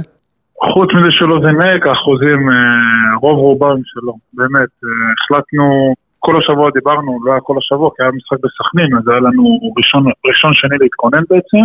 אה, ומראשון אני והוא, היה לנו שיחות איך מתכוננים למצב שיהיה פנדלים, כי זה משהו שצריך להתכונן עליו. במיוחד ששיחקתי מול שחקנים, שיחקתי שם שנה שעברה, ואני מכיר את רוב השחקנים. ובאמת, באנו עם אה, שיטה מאוד ברורה ומטרה מאוד ברורה איך, אה, איך להתמודד בפנדלים. אה, ואני שמח שזה בצד הכי טוב שיכולנו לקוות, באמת. יש לו אחוזים מאוד גדולים ואני מודה לו, והצלחה שלו זה הצלחה שלי, והצלחה שלו זה גם הצלחה שלי, כאילו זה בשני הכיוונים. שמענו אותך אתמול במסיבת העיתונאים, העיתונאים שם ניסו להוציא את השיטה יש את השיטה. השיטה הידועה, אנחנו יודעים את השיטה, תן לו השאלה אם, שיגידו. אם אנחנו נצ- נצ- נצליח להוציא אותה לא, משי לא, אס. לא, אבל אם, לא, אם אתה תציע אותה, אז אתה פוגע בהפועל באר שבע. האמת שכן, עדיף לא להוציא אותה. לא- זה לא עכשיו משהו כל כך סודי, ראו מה קרה במגרש, זה לא עכשיו אה, כן, אבל-. אבל צריכים לנתח אין את פה סודות השיטה. אה, כמוסים. כן. שי, אבל, גם- אבל שי- אני רוצה דווקא... פעם שי- נבוא עם שיטה אחרת, זה בסדר. זהו, אני לא בטוח. אני בטוח. זה שי, אני חשוב. רוצה לשאול אותך, איך בעצם מתכוננים? הרי גלאזר מכיר את השחקנים של מכבי חיפה, כולם מכירים את כולם בליגה הזאת, ואני מניח שגם עקבת אחרי צ'יבוטה, כי הוא לא שיחק, הוא רק עכשיו, רק עכשיו חזר לארץ. איך בעצם ביומיים, שלוש, אתה בעצם יודע לנתח את השחקנים ולהכין את, אה, את עומרי להיות הכי טוב שיכול להיות? תשמע, קודם כל מגיע גם קרדיט לשני אנליסטים שלנו, שזה שי ואביחי, אה, שבעצם אה, ערכו לנו ככה סטטיסטיקה ולראות את כל הפנדלים האחרונים של שחקני מכבי חיפה. מי שחשבנו שסיכוי גבוה אה, במידה וכמובן נגיע לפנדלים. אבל אנחנו החלטנו שזה לא משנה, לא משנה מי בא לבעוט. אנחנו אה, הולכים בגישה של, אה, של אה, שלושה פנדלים ראשונים, אנחנו קופצים לאותו פינה, שהמרנו אה, על הפינה הימנית, ששם אה, ידענו שאם גלאזר קופץ לשם והולך עד סוף, אה, עד סוף הפינה, הסיכוי, הסיכוי שלו מאוד מאוד גבוה גם לקחת את הכדור. אה, ולשמחתנו זה עבד, ידענו שאנחנו את שלושת הפנדלים הראשונים, לא משנה מי בועט מולנו, ימני, שמאלי, לא משנה איך קוראים לו, אה, לשם אנחנו הולכים, ולשמחתנו אה, הוא עצר שניים משלושת הפנדלים הראשונים, שידענו מראש את הפנדל הרביעי אנחנו ננסה לקחת לכיוון השני, מדהים. ואין ספק ששם גלאזר שוב הוכיח בפעם המי יודע כמה העונה. זה מה שמוכיח עד ש... כמה- עד כמה הוא התקדם וכמה קשה להכניע אותו. לגמרי. אה, ולשמחתי הוא עצר גם את הפנדל הרביעי, וזה הפנדל שהביא את הגביע. זה באמת מה שמוכיח שעבודה קשה אה, בסוף, אה, והכנה נכונה בסוף מביאה תוצאות. אני רוצה רק לחזור לרגע שלפני הפנדלים, כי ראיתי אותך אה, מתלחשש שם עם אה, עמרי גלאזר, אומר לו איזה משהו בזמן שכל השחקנים מתאספים. מה אתה אומר לו רגע לפני הפנדלים? קודם כל התחלתי לו בהצלחה, זה רגע שכל שוער חולם עליו, אתה יודע, כי בפנדלים בסופו של דבר אה, אין לך כל כך מה להפסיד, יש לך מה להרוויח. אה, ולהגיע למעמד של פנדלים, אה, והשוער אם הוא מצליח לעצור, אז אין ספק שהוא הופך גם להיות גיבור המשחק. מלבד זה שגם במשחק עצמו היה לו כמה עצירות ממש טובות שהשאירו אותנו במשחק. ולכן אה, דיברנו על זה, אמרנו לו ש... אמרתי לו שהוא אתה חייב להתרכז, אה, קצת להפריע לבועטים, אה, ואתה יודע, כל מיני דברים שקשורים אלינו מבחינת עבודה, לא חייבים לתפוס את הכדור, אפשר גם להדוף, צריך להיות מוכן לכדור שגם אחרי העדיפה לא מתגלגל חזרה פנימה, להיות מוכן לכדורים שמגיעים לאמצע, לעדיפה עם הרגליים אם צריך. ואמרנו שהולכים על זה. קיבלנו את ההחלטה המשותפת ביחד שהולכים על זה, על השיטה. שקבענו אותה מראש, ושוב, לשמחתנו זה עבד, אה, וזהו, והגביע בדרום. אתה יודע, אני חושב שלא לחינם אה, עמרי זכה לשחקן, לשוער העונה. יש איזה נתון שאני לא יודע אם כולם יודעים אותו. 81 אחוז בעצירות איומים למסגרת. זה נתון הכי גבוה בליגה, by far. וזה ללא ספק נתון שטומן בחובו עבודה קשה גם מצידך וגם מצידו. כן, אין ספק, תשמע, קודם כל אני חושב שההתקדמות שלו היא הייתה הדרגתית. אה, זה נכון שהוא התחיל את העונה בתור אה, אה, שוער שני, אבל ידענו מראש בצוות המקצועי שלנו, אז זה היה ביחד עם, עם רוני ואריק, ידענו מראש שיש לנו שני שוערים טובים שאנחנו יכולים לסמוך עליהם בכל זמן נתון. אה, וכמו שאמרתי, שניהם הם שוערי אה, ליגה אה, ונבחרת, שוערים שהם מאוד מאוד מאוד טובים ולגיטימיים. ובאמת ההתקדמות שלו וההתפתחות שלו השנה, ממשחק למשחק, משבוע לשבוע, הוא הלך והתקדם. ואין לי ספק שהוא היום שוער הרבה הרבה יותר טוב מאשר היה בתחילת העונה, עמרי, וזה יאמר לזכותו, תשמע. לגמרי. עמרי, אני רק רוצה להתייחס לדברים שאמר מקודם שי אס, לגבי זה שאתה אה, כשוער, יש לך מה להרוויח, ובאמת אה, נתת את ההופעה, ובאמת הרווחת. ומה הרווחת? אני מסתכל על רגעים בכדורגל, ויש רגעים כאלה שפתאום שוער או שחקן, או לא משנה מי, עושה איזושהי פעולה שגם קונה את הקהל, אבל פה גם קנית תואר להפועל באר שבע, שזה באמת הישג עצום, ואתה עברת כבר בכמה מועדונים בכדורגל הישראלי, אבל איך שאני שומע את הדברים מסביב, גם בהתרחשויות בקהל וגם מה שמדברים במועדון, לדעתי, מצאת בית בהפועל באר שבע. אה, אני גם חושב ככה, חד משמעית, גם אפילו אמרתי את זה אתמול, אני באמת מרגיש פה אה, הכי טוב שהרגשתי בקריירה שלי. אה, מרגיש שבאמת זה, בית בשבילי. אני מאוד אוהב את המועדון, מאוד אוהב את הצוות, מאוד אוהב את השחקנים, מאוד אוהב את העיר, התחברתי מאוד לעיר, אני גר בעיר, אני מאוד אוהב את הקהל, אה, ואני אשמח להישאר פה עוד המון שנים. מצאת בית ומצאת אהבה, אנחנו ראינו את הנשיקה עם איתי שכטר, תשמע, אי אפשר שלא להתמוגג. יצאו מארון הגביעים. אני חייב לבדוק את זה. אני בטוח שהרבה אנשים היו מתחלפים איתי. האמת שכן. דמות גדולה בכדורגל. כן, במיוחד עם הזקן, יש לו שיק. אה, כן, היום הוא כבר התחדד לקראת הערב, אז תראו אותו בלוקסון. גדול. עמרי, תכניס אותנו לראש שלך באמת ב- ברגעים מאוד uh, משמעותיים להפועל באר שבע, שזה רגעי הכרעה לגבי תואר שאפשר להשיג. אתה מגיע לפנדלים, הפנדל הראשון שלנו, שאנחנו בועטים, אספריה מחטיא, ואני רק רוצה להגיד שאם במכבי חיפה בועטים ומכניסים את הפנדל הראשון שלהם, יכול להיות שהדברים היו גם משתנים מבחינת העניין המנטלי והלחץ שפועל על השחקנים שבועטים. אתה לא יכול לשנות את ההיסטוריה. לא, ברור, אבל אני אומר, החשיבות של העדיפה הראשונה של עמרי הייתה מאוד מאוד משמעותית. מאוד קריטית. אז תכניס אותנו לראש כן, שלך מאוד- כשאתה רואה את מאוד הסיטואציה. חשוב. זה היה מאוד חשוב, כי דנילו קודם כל בועט מצוין, הוא בעט, אה, אם הוא לפני תרגלנו פנדלים, ואם אני לא טועה, שלוש משלוש או ארבע מארבע, בקלות, זרק את השוער בצד שני, גם אותי הוא זרק בצד שני. אה, הוא בועט מצוין, אה, לצערי הוא החמיא, ידעתי שהבעיטה מול דולב היא מאוד משמעותית. כי אם הוא מחמיא זה 1-0 ואנחנו בועטים והלחץ עלינו. היה לך איזה טרשטוק אה. מולו ככה, שנייה לפני שהוא הגיע כן, לבעוט. דניאל בר נתן לקח אותו שם. האמת שהטרשטוק זה שי כל הזמן דוחף אותי לשם, בדרך כלל לא עושה אותו. מה, מה, אני מת לדעת, מה- מה אומרים? כשאתה בא, מתקרב עכשיו לדולב חזיזה, מה אתה אומר? לא חייבים משהו גם להגיד, כמו- מספיק שאתה מתקרב, זה... אה, אתה מתקרב, לי גם אתה עושה תנועות ידיים, אתה. זז.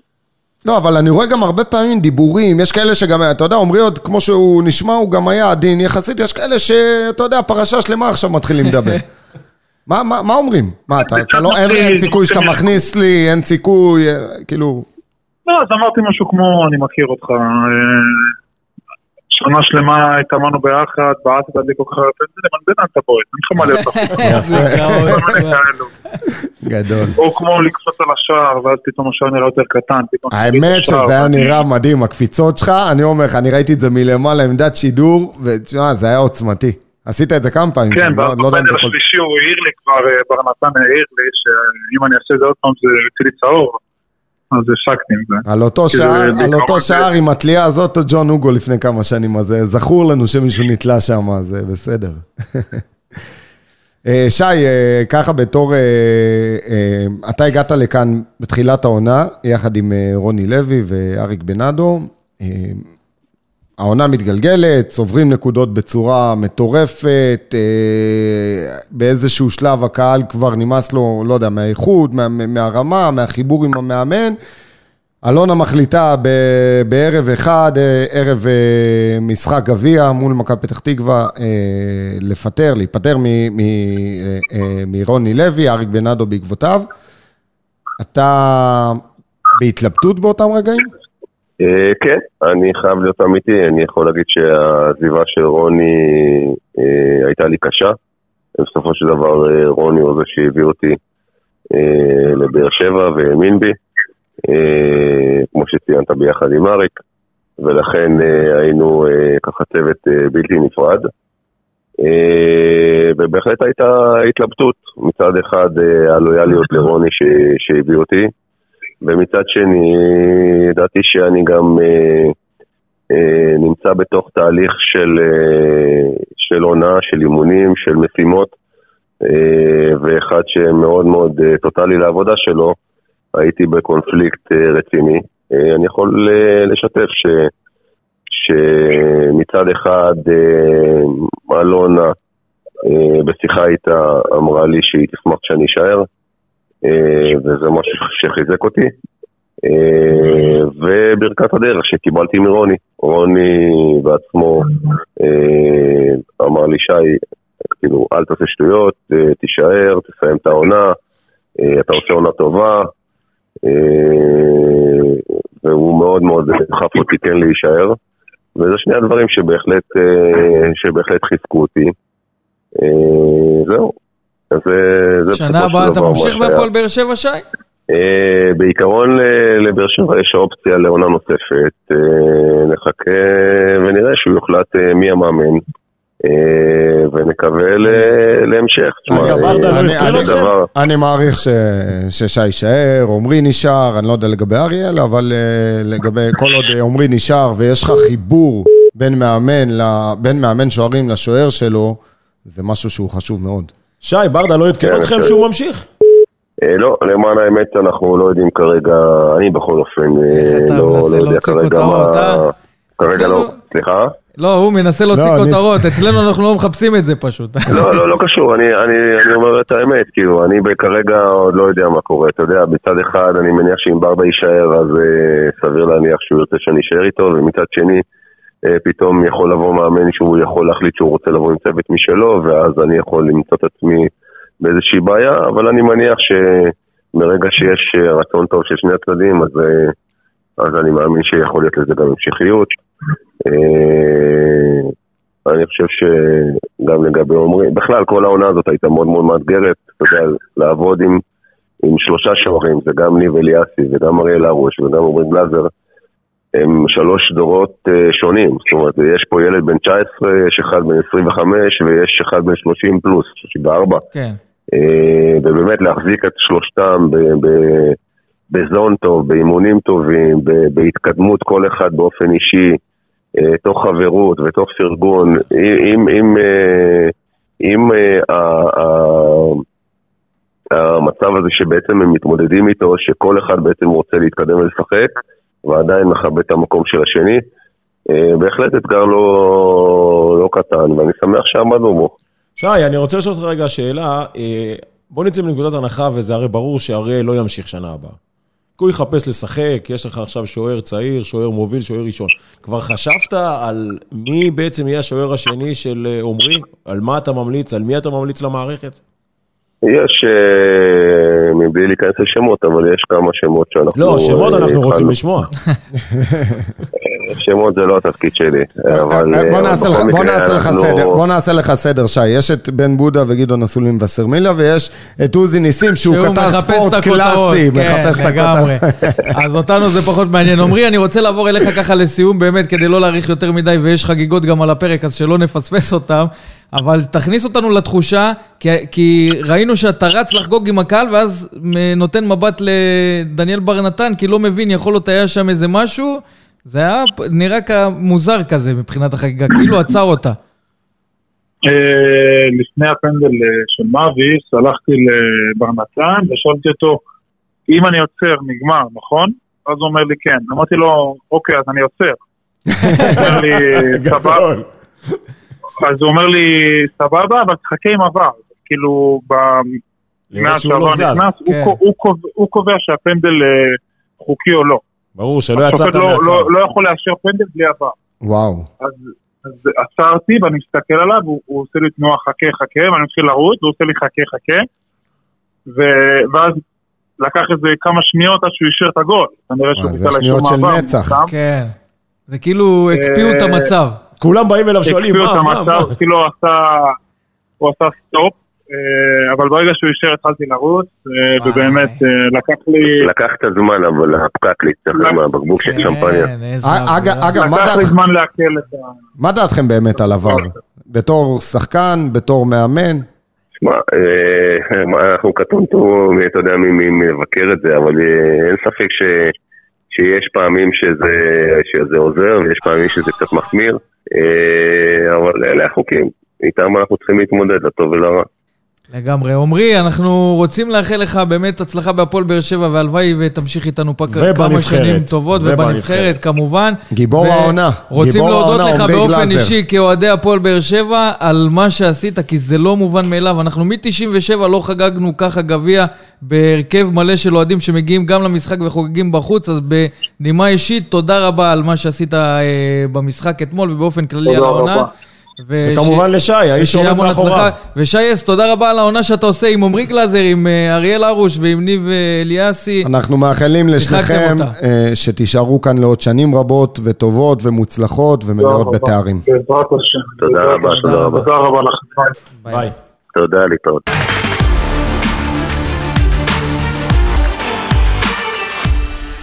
טוב, דיברנו uh, על שחקנים שעשו שינוי uh, בחילופי המאמנים, ובאמת אחד מהם זה רועי גורדנה, שאני מרגיש, ואני חושב שהרבה אוהדים של הפועל באר שבע מרגישים שהרווחנו אותו במהלך העונה, למרות שבגמר הוא לא שיחק בגלל פציעה, ובאמת זה היה חבל. אבל בואו. נשמע, בוא נשמע ממנו איך העונה הזאת עברה עליו ואיך הוא ראה את הגמר uh, מזווית אחרת. אהלן, uh, רועי גורדנה, מה קורה? שלום חברים, שלום. אהלן רועי. אהלן. ערב טוב. אז באמת, רועי, דיברנו, אה, במהלך העונה היו לך כמה הזדמנויות אצל אה, רוני לוי, ומבחינת יכולת לא הצגת את היכולת הכי גדולה, ואני זוכר שישבנו כל הזמן ברדיו אחרי אה, ס- אה, שידורי המשחק, וישבנו עם אה, אבי בוחבוט, והוא אמר לי, תקשיבו, ייתנו לרועי גורדנה צ'אנס אמיתי, אני מבטיח לכם, הוא גם יכול להוביל את הפועל באר שבע אם צריך. ואתה יודע, יש אוהדים של אה, הפועל באר שבע ששמעו לפעמים את הפרשנויות של אבי בוחבוט ואמרו, מה, הוא מנותק מהמציאות. בסוף קרה חילופי המאמנים, וראינו רועי גורדנה שבאמת יכול להוביל את הפועל באר שבע. קודם כל, אה, אבי עבד איתי באשדוד, אז אני משוחד לגביו, אני מאוד מאוד אוהב אותו. אה, תשמע, לגבי התקופה עם רוני לוי, אני לא רוצה שתשמע שאני מעביר ביקורת, שאני מלכלך על אה, רוני או... לא, קודם. כל, אם יש מקום להעביר ביקורת, אז אה, זו ההזדמנות, אין בעיה. כי- לא ברור באמת, אה, מאמן שהביא אותך, אני, שאלה על שאלה, אבל לא ברור מאמן שהביא אותך, ובסופו של דבר יתעלם ממך לגמרי. מה שאני אומר בגדול, שלתת הזדמנות, גם מבחינת הקהל, אני קיבלתי הרבה הודעות, אה, נקרא לזה פחות טובות, או פחות אוהבות, או פחות חמות, זה בהתחלה, כן? בתקופה עם רוני אני מדבר. כן, כן, בגלל של, זה אה, אמרתי. מה קורה, מה קורה איתך, ותתעורר, ולמה אתה ככה, ולמה אתה ככה. אני אומר שלתת הזדמנות לשחקן, זה הזדמנות אמיתית. מה זה הזדמנות אמיתית? בוא תרוץ איתי שלושה, ארבעה, חמישה משחקים, 80, 90 דקות, תן לי תחושה שאתה באמת מאמין לי, אחר כך תגיד לי, שמע, אתה לא מספיק טוב, אתה כן מספיק טוב, משם תקבל את ההחלטות. אבל, אה, זה עובדות מה שאני נותן עכשיו. בכל המשחקים ששיחקתי הוחלפתי ראשון, הייתי חילוף הכי מוקדם, תמיד יצאתי ראשון בכל המשחקים.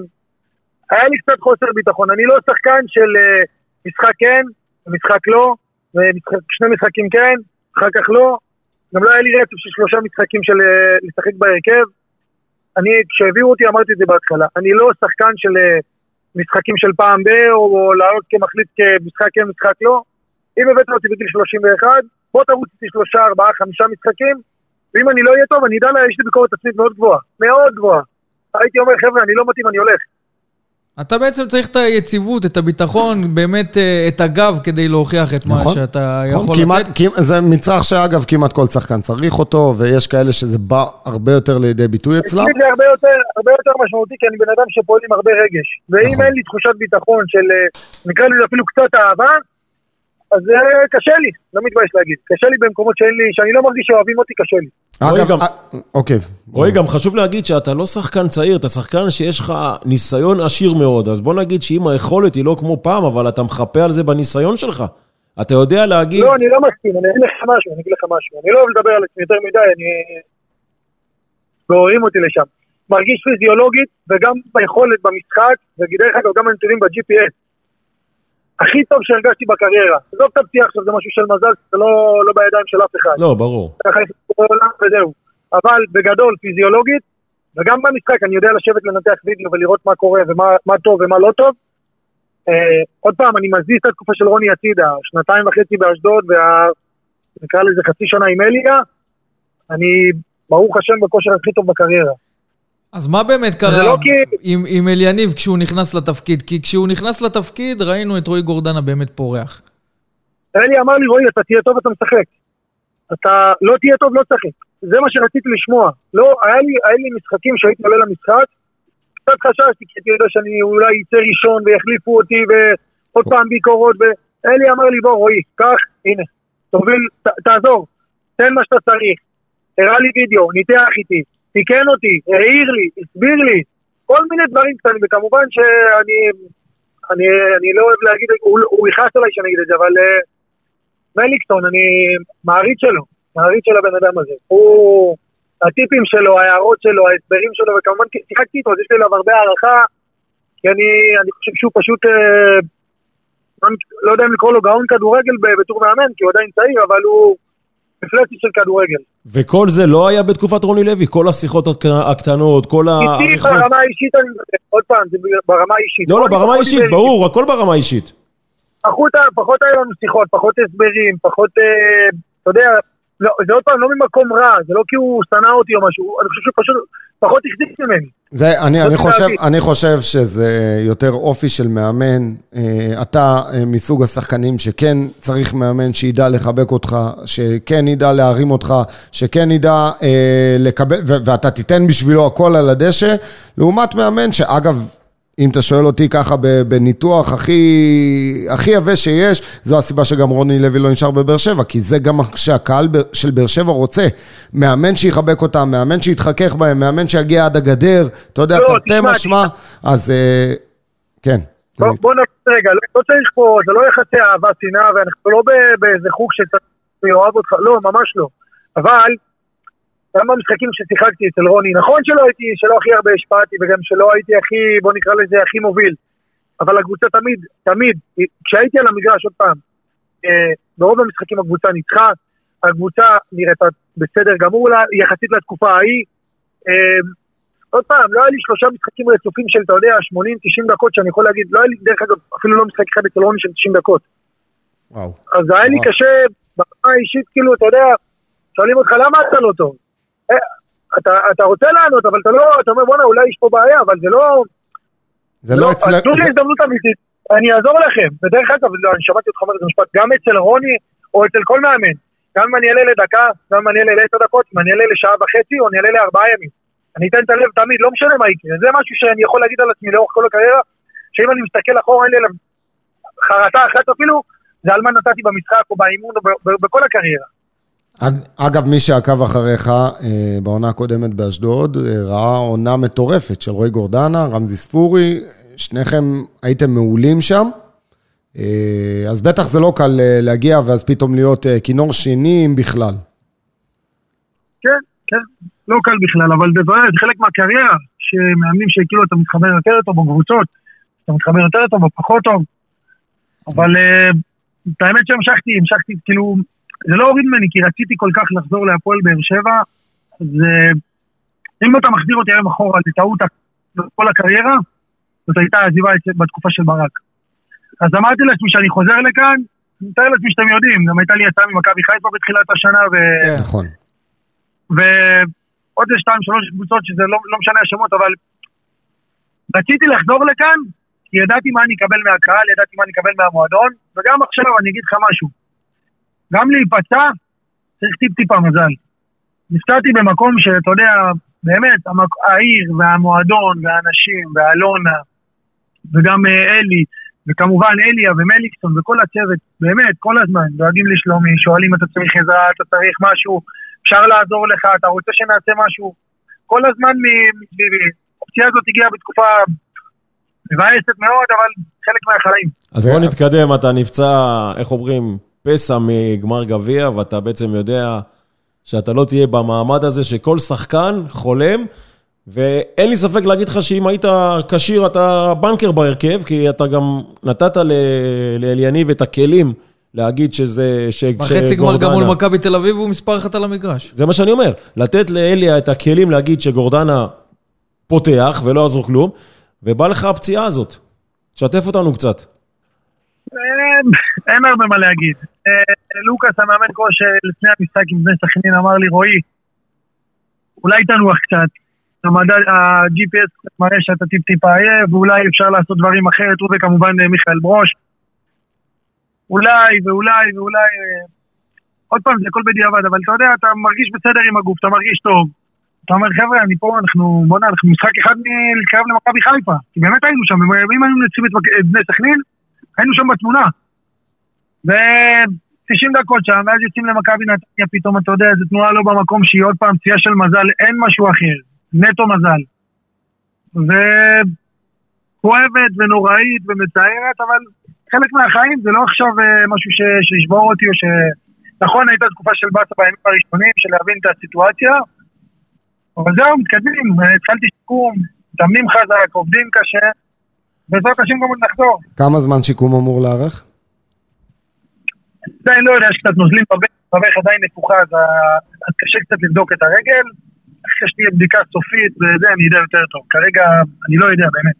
אתה יודע, אם אני ככה מנתח איתך כרגע את הקריירה שהיא רחוקה מלהסתיים, ואני מאחל לך באמת עוד אה, שנים אה, רבות וטובות במ- במגרש הכדורגל, אה, ואצלנו אגב, אני, אני, אם אני מנתח, הדרך של רועי גורדנה, שהוא אגב שחקן מאוד מאוד כישרוני, מאוד מחויב, אה, ואת זה לא אני אומר, לא, לא הפרשנות שלי, אני מדבר אה, על הרבה שחקנים ששיחקו איתך בדרך. אגב, ראיינו את, אה, את אה, דובב גבאי אה, שבוע שעבר ושאלנו אותו, מי מבחינתך, מי, מי השחקן הכי פחות מוערך, או מי מבחינתך השחקנים המובילים בהפועל באר שבע? הוא אומר, יש הרבה מוערכים, יש הרבה טובים, אבל אם אני מצביע על אחד, אז מבחינתי זה רועי גורדנה, ו, ושמעתי את זה מעוד כמה. שחקן שבאמת יש אליו כל כך הרבה הערכה ב, ב, ב, בעולם הכדורגל, אבל הדרך הולכת לו, לא יודע, נראה לי ככה, שהקריירה שלך היא רכבת הרים כזאת. כן. אה, אמרתי לך, הרבה טעויות, אה, לא הרבה, טעות אחת שהייתה מאוד מאוד קריטית לקריירה, שעזיבה הפועל, של הפועל באר שבע בתקופה, בקדנציה הראשונה הייתה טעות, אבל אה, גם מזה לומדים, כי בינואר אה, קרה עוד פעם אה, חצי סיטואציה כזאת של אמרו לי, תראה, אולי תעזוב, תשחק יותר במקום אחר, אולי, אמרתי להם, חבר'ה, אני את הפועל באר שבע לא עוזב. אם זה תלוי בי, אני גם חותם פה לעוד חמש שנים. לא מוכן לעזוב, לא רוצה לשמוע. בדיעבד זה עוד פעם היה מהלך טוב, כי חזרתי לשחק ואצל אליה פרחתי והכל היה בסדר.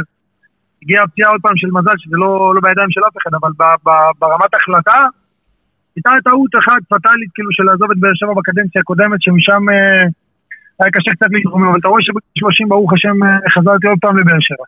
אז בואו בוא נדבר. רגע על העונה, אה, דיברנו עד עכשיו על רועי גורדנה, בואו נדבר, אה, איך אתה רואה את העונה של הפועל באר שבע? עונה באמת ארוכה, אה, מייגעת, אה, עליות, מורדות, פתאום יש הכל, פתאום אין אנחנו, כלום. אנחנו כאוהדים, כשאתה שבוע אחד במרוץ, ואז כן. כן. מאבד קצת מומנטום, וחושב שזה כבר עובר, ואז מכבי חיפה מושכת אותך בחזרה למרוץ כי הם אה, מועדים, זה כאילו, לנו זה הרגיש רכבת הרים. השאלה איך זה אצלכם היה.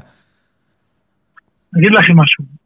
אני, אני לא שחקן שכל כך אוהב להתראיין ולדבר, אני אגיד איזה משפט ואנחנו פשוט נתקדם. לא, אני לא אתן לכם לשאול עליו שאלות.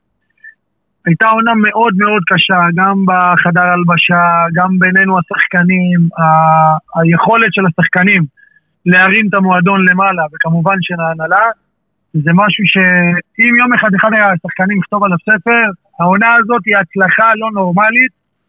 אני לא יכול להרחיב יותר מדי, זאת הצלחה בלתי נתפסת העונה הזאת. לגמרי. מטורף. קודם כל. קודם כל, אנחנו מסתכלים על זה בצורה יבשה, בלי להיכנס לפרטים שאתה מדבר עליהם ובלי לדעת אותם גם, אה, אנחנו מסתכלים על זה. אה, הקבוצה הזאת נבנתה מאפס, 15 שחקנים חדשים, צוות מקצועי חדש, אה, הכל חדש, אה, ובהחלט, לסיים מקום שני וגביע, זה מטורף. אה, כן, כן, נכון שבמהלך העונה היו משחקים שלא נראינו טוב וניצחנו, אני יודע את זה, אני לא, לא בא לכם, אמרתי לכם ביקורת עצמית מאוד גבוהה, אבל בנקודות מסוימות היה לנו כמה, כמה צמתים שאם היינו מנצחים אותם, אני, הפועל תל אביב, בני סכנין, שזה לא משחקים שהם נכון. רחוקים לנצח אותם, היינו בתמונה שם עד הסוף, פספסנו את זה על אה, באמת, ממש נקודות קטנות שנפלנו בהן, שכאילו יכולנו להיות שם באמת עד הסוף. תגיד, עד כמה היית אה, חלק מזה בעקבות הפציעה, אבל חלק מכל מה שעבר על המועדון, אתה יודע, ההכנות לקראת גמר הגביע, חדר ההלבשה, כל מה שקורה מסביב לקראת המעמד הגדול הזה של העונה? כמה הייתי חלק? אה, לא יודע, צ'ק השחקנים, כמה הצגתי לה. כמה אני- אגב, אני יכול להגיד שרואים את זה גם ברשתות, אבל גם אה, ככה על הדשא. כל אחד שני רץ לגורדי עם הגביע, אומר לו, זה בשבילך, זה בשבילך, ובאמת, אתה יודע, אתה... אה, רואים שהוא חלק אינטגרלי גם בחדר הלבשה, לא רק אה, מבחינה מקצועית, אה, וזה מדהים, מדהים לראות את זה. אני אתמול, אתה יודע, ישבתי ככה בצד, התעייפתי מהקפיצות עם הרגל, הסתכלתי על החבר'ה שיש לנו בחדר הלבשה, אתה יודע, זה היה מדהים לראות את השחקנים הזרים והישראלים, ואתה יודע, התחברנו כולם בצורה באמת מדהימה, מדהימה, מדהימה, שזה משהו שהוא לא מובן, כי כל שנה אה, מגיעים שחקנים חדשים, ואתה לא יודע מה תקבל מהם, ואתה אתה לא יודע לאן זה ילך. ואתה יודע, השנה הגיעו שחקנים מבחינת אופי, ממש טובים לחדר הלבשה, ובאמת מאוחדים, ומכבדים אחד את השני, והיה המון המון כבוד אחד לשני במהלך השנה. גם שהיו תקופות פחות טובות. אז אה, זה כיף, כיף להיות חלק מחדר אז- הלבשה. אז זהו, בואו בוא ניכנס קצת לכותלי חדרי ההלבשה, מה שנקרא.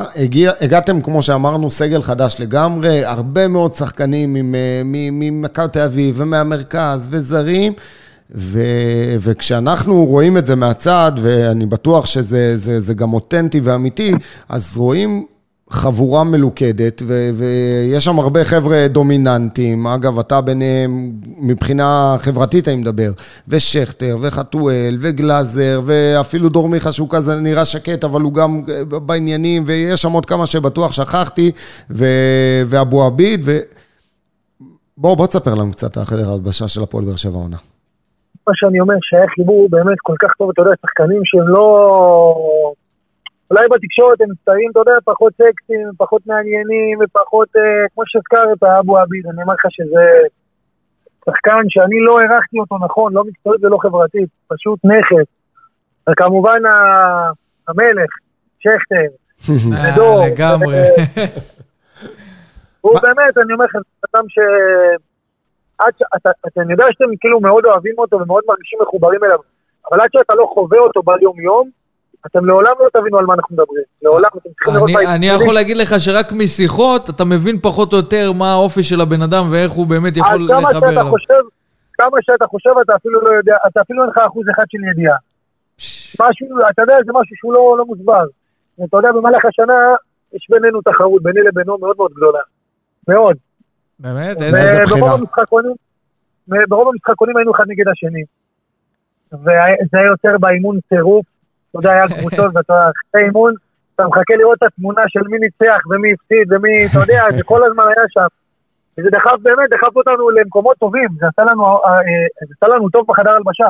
גם התחרות הזאת בינינו.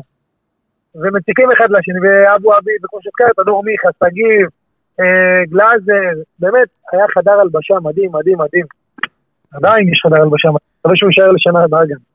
הלוואי, כי, יש, כי יש באמת שחקנים טובים עם אופי טוב. אה, אתה, אני לא יודע אם אתה יודע, אני מאמין שכן, אבל הגביע האחרון שהפועל באר שבע לקחה ויכלה גם לחגוג איתו עם קהל, לחגוג אותו עם קהל באיצטדיון ולחזור איתו לדרום, זה ב-97, זה בעצם הגביע היחיד.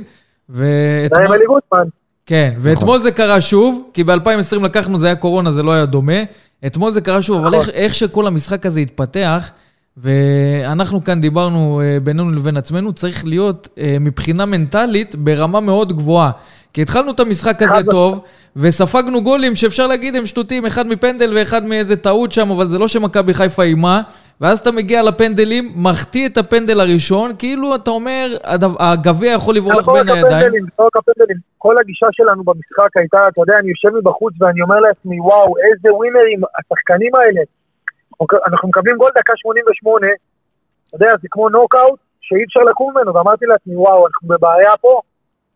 ברוך השם באנו להערכה, אתה יודע, אני ראיתי את השחקנים, כולם בחזה מתוח עם הראש למעלה, אין עייפות, אין שום דבר, שפת גוף טובה, כולם חיוביים, כולם מעודדים אחד את השני, שזה משהו שדיברנו עליו גם לפני המשחק, שלא משנה מה יקרה במהלך המשחק, יהיו דקות קשות, יהיו דקות יותר טובות או פחות טובות, שפת גוף חיובית, אנחנו שם במטרה לקחת את התואר הזה. זה יהיה קשה, לא ציפינו שיהיה לנו קל, אבל אתה יודע, הדקות שקיבלנו את הגולים והצורה שגם קיבלנו את הגולים. זה, זה מדהים לראות את השחקנים, מה שהם עשו אתמול, זה היה מדהים, מדהים, מדהים. לא היה לך איזה חשש שם בפנדל הראשון של דנילו שהוא החטיא אותו שזה יכול להתפספס? מה, בפנדלים אתה לא יודע מה אתה תקבל. להגיד לך שהייתי בטוח, קודם כל היה לי ביטחון גדול בגלאזר. זה במאה אחוז אני יכול להגיד לך, אבל לפעמים אתה יודע, פנדל לא תלוי בך, יכולים פתאום לבוא חמישה בועטים שאתה לא יכול להתמודד איתם ואתה יכול להפסיד. מזל מזלנו, גלאזר הראה את מה שהוא עושה כל השנה הזאת, לא רק במשחק הזה. כל העונה הזאת הוא היה מדהים. וזה גם נדבק לו בגמר. אני חושב שיש קרמה טובה, שאתה עובד קשה ואתה חרוץ ואתה רוצה להצליח. אמרתי להם בחדר הלבשה, לא משנה מה, תקרא לזה ישו, תקרא לזה אללה, אלוהים, קרמה, מה שאתה רוצה. ובסוף ידבק, בסוף זה ידבק בך. לגמרי, ועשינו את זה בגדול, בביג טיים. אז אה, רועי גורדנה ככה לפני סיום, אה, לפני כמה שנים טובות אמנם, היה כאן אה, גורדנה אחר, שהוא דוד שלך, יוסי גורדנה, ואמרנו, תשמע, שבא רועי זה כמו, איך קוראים לאח של עומר אדם? זה כזה חיקוי, רועי אדם זה ליד עומר אדם, בטח כזה, אתה יודע, כי יוסי גורדנה באמת היה שחקן מעולה, היה חלוץ שם וזה, ואני יכול להגיד לך היום, אחרי כמה שנים כבר שאנחנו מכירים אותך, והכדורגל הישראלי נחשף אליך, שאתה שחקן... בפני עצמך מעולה, ואנחנו זכינו בנכס גדול במועדון הזה. אתה שחקן נשמה שנותן את כל כולו על הדשא, אישיות טובה לחדר הלבשה, לבפנים, לבחוץ, ואנחנו מאחלים לך שתחלים מהר ושתחזור אלינו ושתישאר איתנו לעוד הרבה שנים. כמו שאתה יודע, רועי, בנחישות לחזור, אתה תחזור למגרשים ואנחנו גם נמתין שזה יקרה, כי בסוף אתה חלק מאיתנו, ואין ספק שאתה תעשה את השיקום הזה בצורה הכי טובה, ומקווים שזה יקרה כמה שיותר מהר. קודם כל, תודה רבה לכם, אני רוצה להגיד לכם עוד דבר. אני אומר שאני רוצה להגיד עוד משהו אחד לפני סיום. כן. גם בתקופות הפחות טובות, אפילו שאמרתי לכם שהיו הודעות, ואנשים, אתה יודע, שאתה הולך ברחוב, אתה משלם אותך, מה יהיה, מתי תתעורר?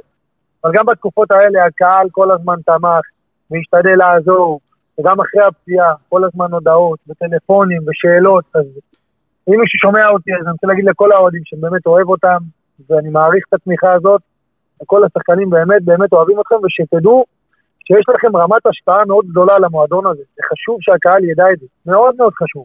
לגמרי, זה, זהו, זה מועדון לכם. משפחתי. רועי, תודה רבה שהיית איתנו, ורק בריאות. החלמה מהירה, בריאות. טוב, תקשיבו, איזה כיף אה, לעשות כזה פרק, וואו, אה, וואו, גמר גביע וניצחון, ואתה יודע... כשהרבה אוויר משתחרר מהריאות, גם של השחקנים, גם של האוהדים, שאתה יודע בסופו של דבר שסיימת את העונה הזאת עם משהו ביד, ולא שפספסת גם את ההזדמנות האחרונה אה, להוציא מהעונה הזאת משהו, וחזרנו עם גביע, באמת, בפעם השנייה רק בהיסטוריה של הפועל באר שבע, שאנחנו עושים אותו גם עם עידוד ותמיכה של הקהל במשחק, בפעם השלישית בסך הכל בתולדות המועדון, ובאופן כללי, השנים האחרונות של הפועל באר שבע רוויות בתארים, מאז אותו הפסד אה, למכבי תל אביב, נכון. ה-6-2 בגמר, שאותו הפסד גם זכור עם הדמעות של מאור מליקסון. זה גמר שלישי בשבע שנים. זה אנשים לא יודעים אולי. לגמרי, ו- ועשינו גם, גם אליפויות, ולקחנו גם uh, שני גביעים עכשיו בשנתיים, ואלוף האלופים וגביע הטוטו, אז באמת הפועל באר שבע uh, מוצב היום כמועדון גדול ב- בכדורגל הישראלי, וזה הרבה בזכות ההשקעה שיש במועדון הזה, הרבה בזכות השחקנים שנמצאים פה, האוהדים שלו uh, מפסיקים לתמוך, וגם שמענו את רועי גורדנה שמדבר על התמיכה של האוהדים וכמה השפעה יש על התהליכים שקורים שם, גם בקרב השחקנים, גם מבחינת המועדון. אז באמת, איזה כיף זה לחגוג גביע. שחוזר לבאר שבע. זה, זה אה. כאילו, יש כאלה שלא מעכלים את זה עדיין, יש כאלה שלא מתרגשים מזה, אבל אגב- יקלטו את אגב- אגב, ההתרגשות אני- בעוד אני יכול כמה להגיד לך ימים. שאתמול כי סיימנו בסוף ש- אתה סיימנו הולך עם שידור חזה נפוח. כן, סיימנו שידור, אבל הייתה לי עייפות כזאת שאני אומר, כזה, זה קרה אגב באליפות הראשונה גם, שכזה אתה, מרוב המתח שהיה לך עונה, גם בתור אוהד, גם בתור גם שדרן, במשחק בתור עצמו שחקן, המתח הזה המשיך, זה- כן, זה גמר היה את איזה כל נפילת האנרגיות. מתח שגמרה לך את האנרגיות בדיוק, אבל תשמע, לסיים עם גביע, עונה כזאת, זה אקורד סיום במיוחד- הכי מתוק. במיוחד כשזה קורה מול מכבי חיפה. כן, ניצחון שאתה לוקח על הפנים שלהם, וגם מראה להם שהם לא ביכולת הכי גדולה שהייתה פה אלופה בישראל, כי בסוף באר שבע וגם הייתה בזכות, שווה. לא גנבת, לא הרגשת. שגנבת. אם היית. גונב אתמול, אז אתה יודע, היה לך, אה, לא הייתם שווים וזה. הם, היית אם- במשחק כל בדיוק, הזמן, היית נתת את במשחק, הטון ברוב דרכי ליתרון. עלית ליתרון נכון. כל הזמן, תמיד היית ביתרון, תמיד היית מעליהם. נתת להם לרדוף אחריך, מה שלא קרה. בדיוק. ואתה ו- שומע פה את השחקנים, גם עמרי גלאזר, גם אה, אייד אבו עביד וגם רועי גורדנה, שמדברים על זה, על כל העונה הקשה הזאת שעברה על הפועל באר שבע, וגם דיברנו על זה אה, במשדרים שלנו, גדעון, על רכבת הרים, מסתבר שגם השחקנים הרגישו את זה, כי, ואפילו יותר טוב מאיתנו, יותר הרגישו את, ה, את הדבר הזה שעבר על הפועל באר שבע. בסוף זה מסתיים עם טעם מתוק, שמענו גם הכי מאבו. שמענו מאבו גם שזה יותר מתוק, כמה שזה הולך יותר קשה. וגם האוהדים של הפועל באר שבע מרגישים את זה, ואתה אמרת שזה בהפועל באר זה שבע, אם זה לא קשה. זאת לא הפועל באר שבע. נכון. אז בסוף אנחנו חוזרים עם כל זה, ועכשיו, הזמן לחגוג, הזמן של אוהדי הפועל באר שבע, לסיים את העונה הזאת בצורה הכי מתוקה שיש. מיד אחרי שנסיים לחגוג, נסכם את העונה הזאת באופן רשמי, נלך לכמה ימים של חופש ונתכונן כבר לעונה הבאה, כי בסוף בכדורגל אתה צריך אגב, לבוא כבר מוכן. תמיד. כבר ב... אה, טוב, יש את אלוף האלופים, שזה המשחק הראשון. הראשון לא, בעונה, יש- כן, כן, אתה הראשון. זוכר את התאריך? 14, 16 לשביעי, משהו לא כזה, לא חשוב. זוכר. ב-21 לשביעי כבר משחק אה, ראשון בליגה האירופית. אין הרבה. מנוחה. אין הרבה מנוחה. ואני אתן לכם עוד איזה פיגנטריה קטנה. ויטור הניף את הגביע פעמיים, פעם אחת ב... כישראלי, שזה עכשיו, ופעם קודמת כזר. לא היה דבר כזה בכל אה, שנות הגביע, וזה נבדק. איזה מדהים. אגב, הוא ישראלי, אני לא יודע, הוא צריך אה, לעבר... צריך למצוא לו איזה שם במה כזה ישראלי, אני יודע, איך קוראים, מיגל ויטור, אולי מישל ואטורי. נקרא לו איזה מישל ואטורי כזה, מניף את הגביע. וואלה, תשמע, איזה אנרגיות, איזה תחושות. איזה כיף היה לשמוע את השחקנים שמדברים על כל האווירה שהייתה שם, על כל אותם הרגעים, הסודות הקטנים של הסמולטוק, עמרי הסמולטוק. גלאזר עם, אה, עם דולב חזיזה ועם השופט שם. ההכנות ו- ואבו לפני. עביד, איך שהוא מדבר עם השחקנים ומה הם אומרים לעצמם בחדר ההלבשה, ורועי גורדנה על כל האווירה שהייתה, ואדווה ברדה שהציגה את הצד של אה, אליניב ברדה. מה עובר על האישה של המאמן. באמת, סיכמנו פה בפרק הזה את הכל, חגיגת גביע, מומלץ לכל אוהדי הפועל באר שבע אה, להאזין לפרק הזה, תשתפו אותו גם, תעקבו בכל הפלטפורמות אה, אחרי וסרמיל הפודקאסט ו- ותעקבו.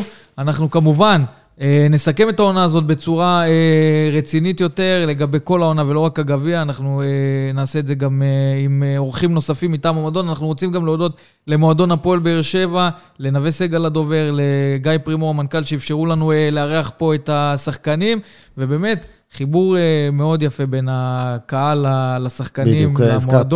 ו- וצריך להודות ולהעריך את זה, ובדיוק, והכרת ו- הטוב, ו- מה ו- שנקרא. ואנחנו מציינים לטובה את כולם, אז אנחנו, אני רוצה לציין לטובה את הקהל שהגיע בהמוניו לירושלים משעות הבוקר, וצבע את מלחה, וצבע את שוק מחנה יהודה, וצבע את הכותל, וצבע באמת את כל הרחובות, ו... בשאטלים ובפאנזון, ו- ו- וגם בטדי עצמו, וכמה כוח וכמה עוצמה יש לקהל הזה שהוא מתאחד. וברגע שנבין את זה, וברגע שניישם את זה, אנחנו נהנה מתארים ומעונות טובות. ללא ספק, הכוח של הקהל זה הכוח של המועדון. אה, עד כאן, פרק 23 של וסרמיליה פודקאסט. גדעון אסולין, תודה רבה שהיית תודה איתנו. רבה. עוזי ניסים ישראל היום, תודה רבה. תודה רבה. אנחנו נשתמע בפרקים הבאים, לכו לחגוג, רבותיי. וסרמיליה פודקאסט, פודקאסט האוהדים של הפועל באר שבע.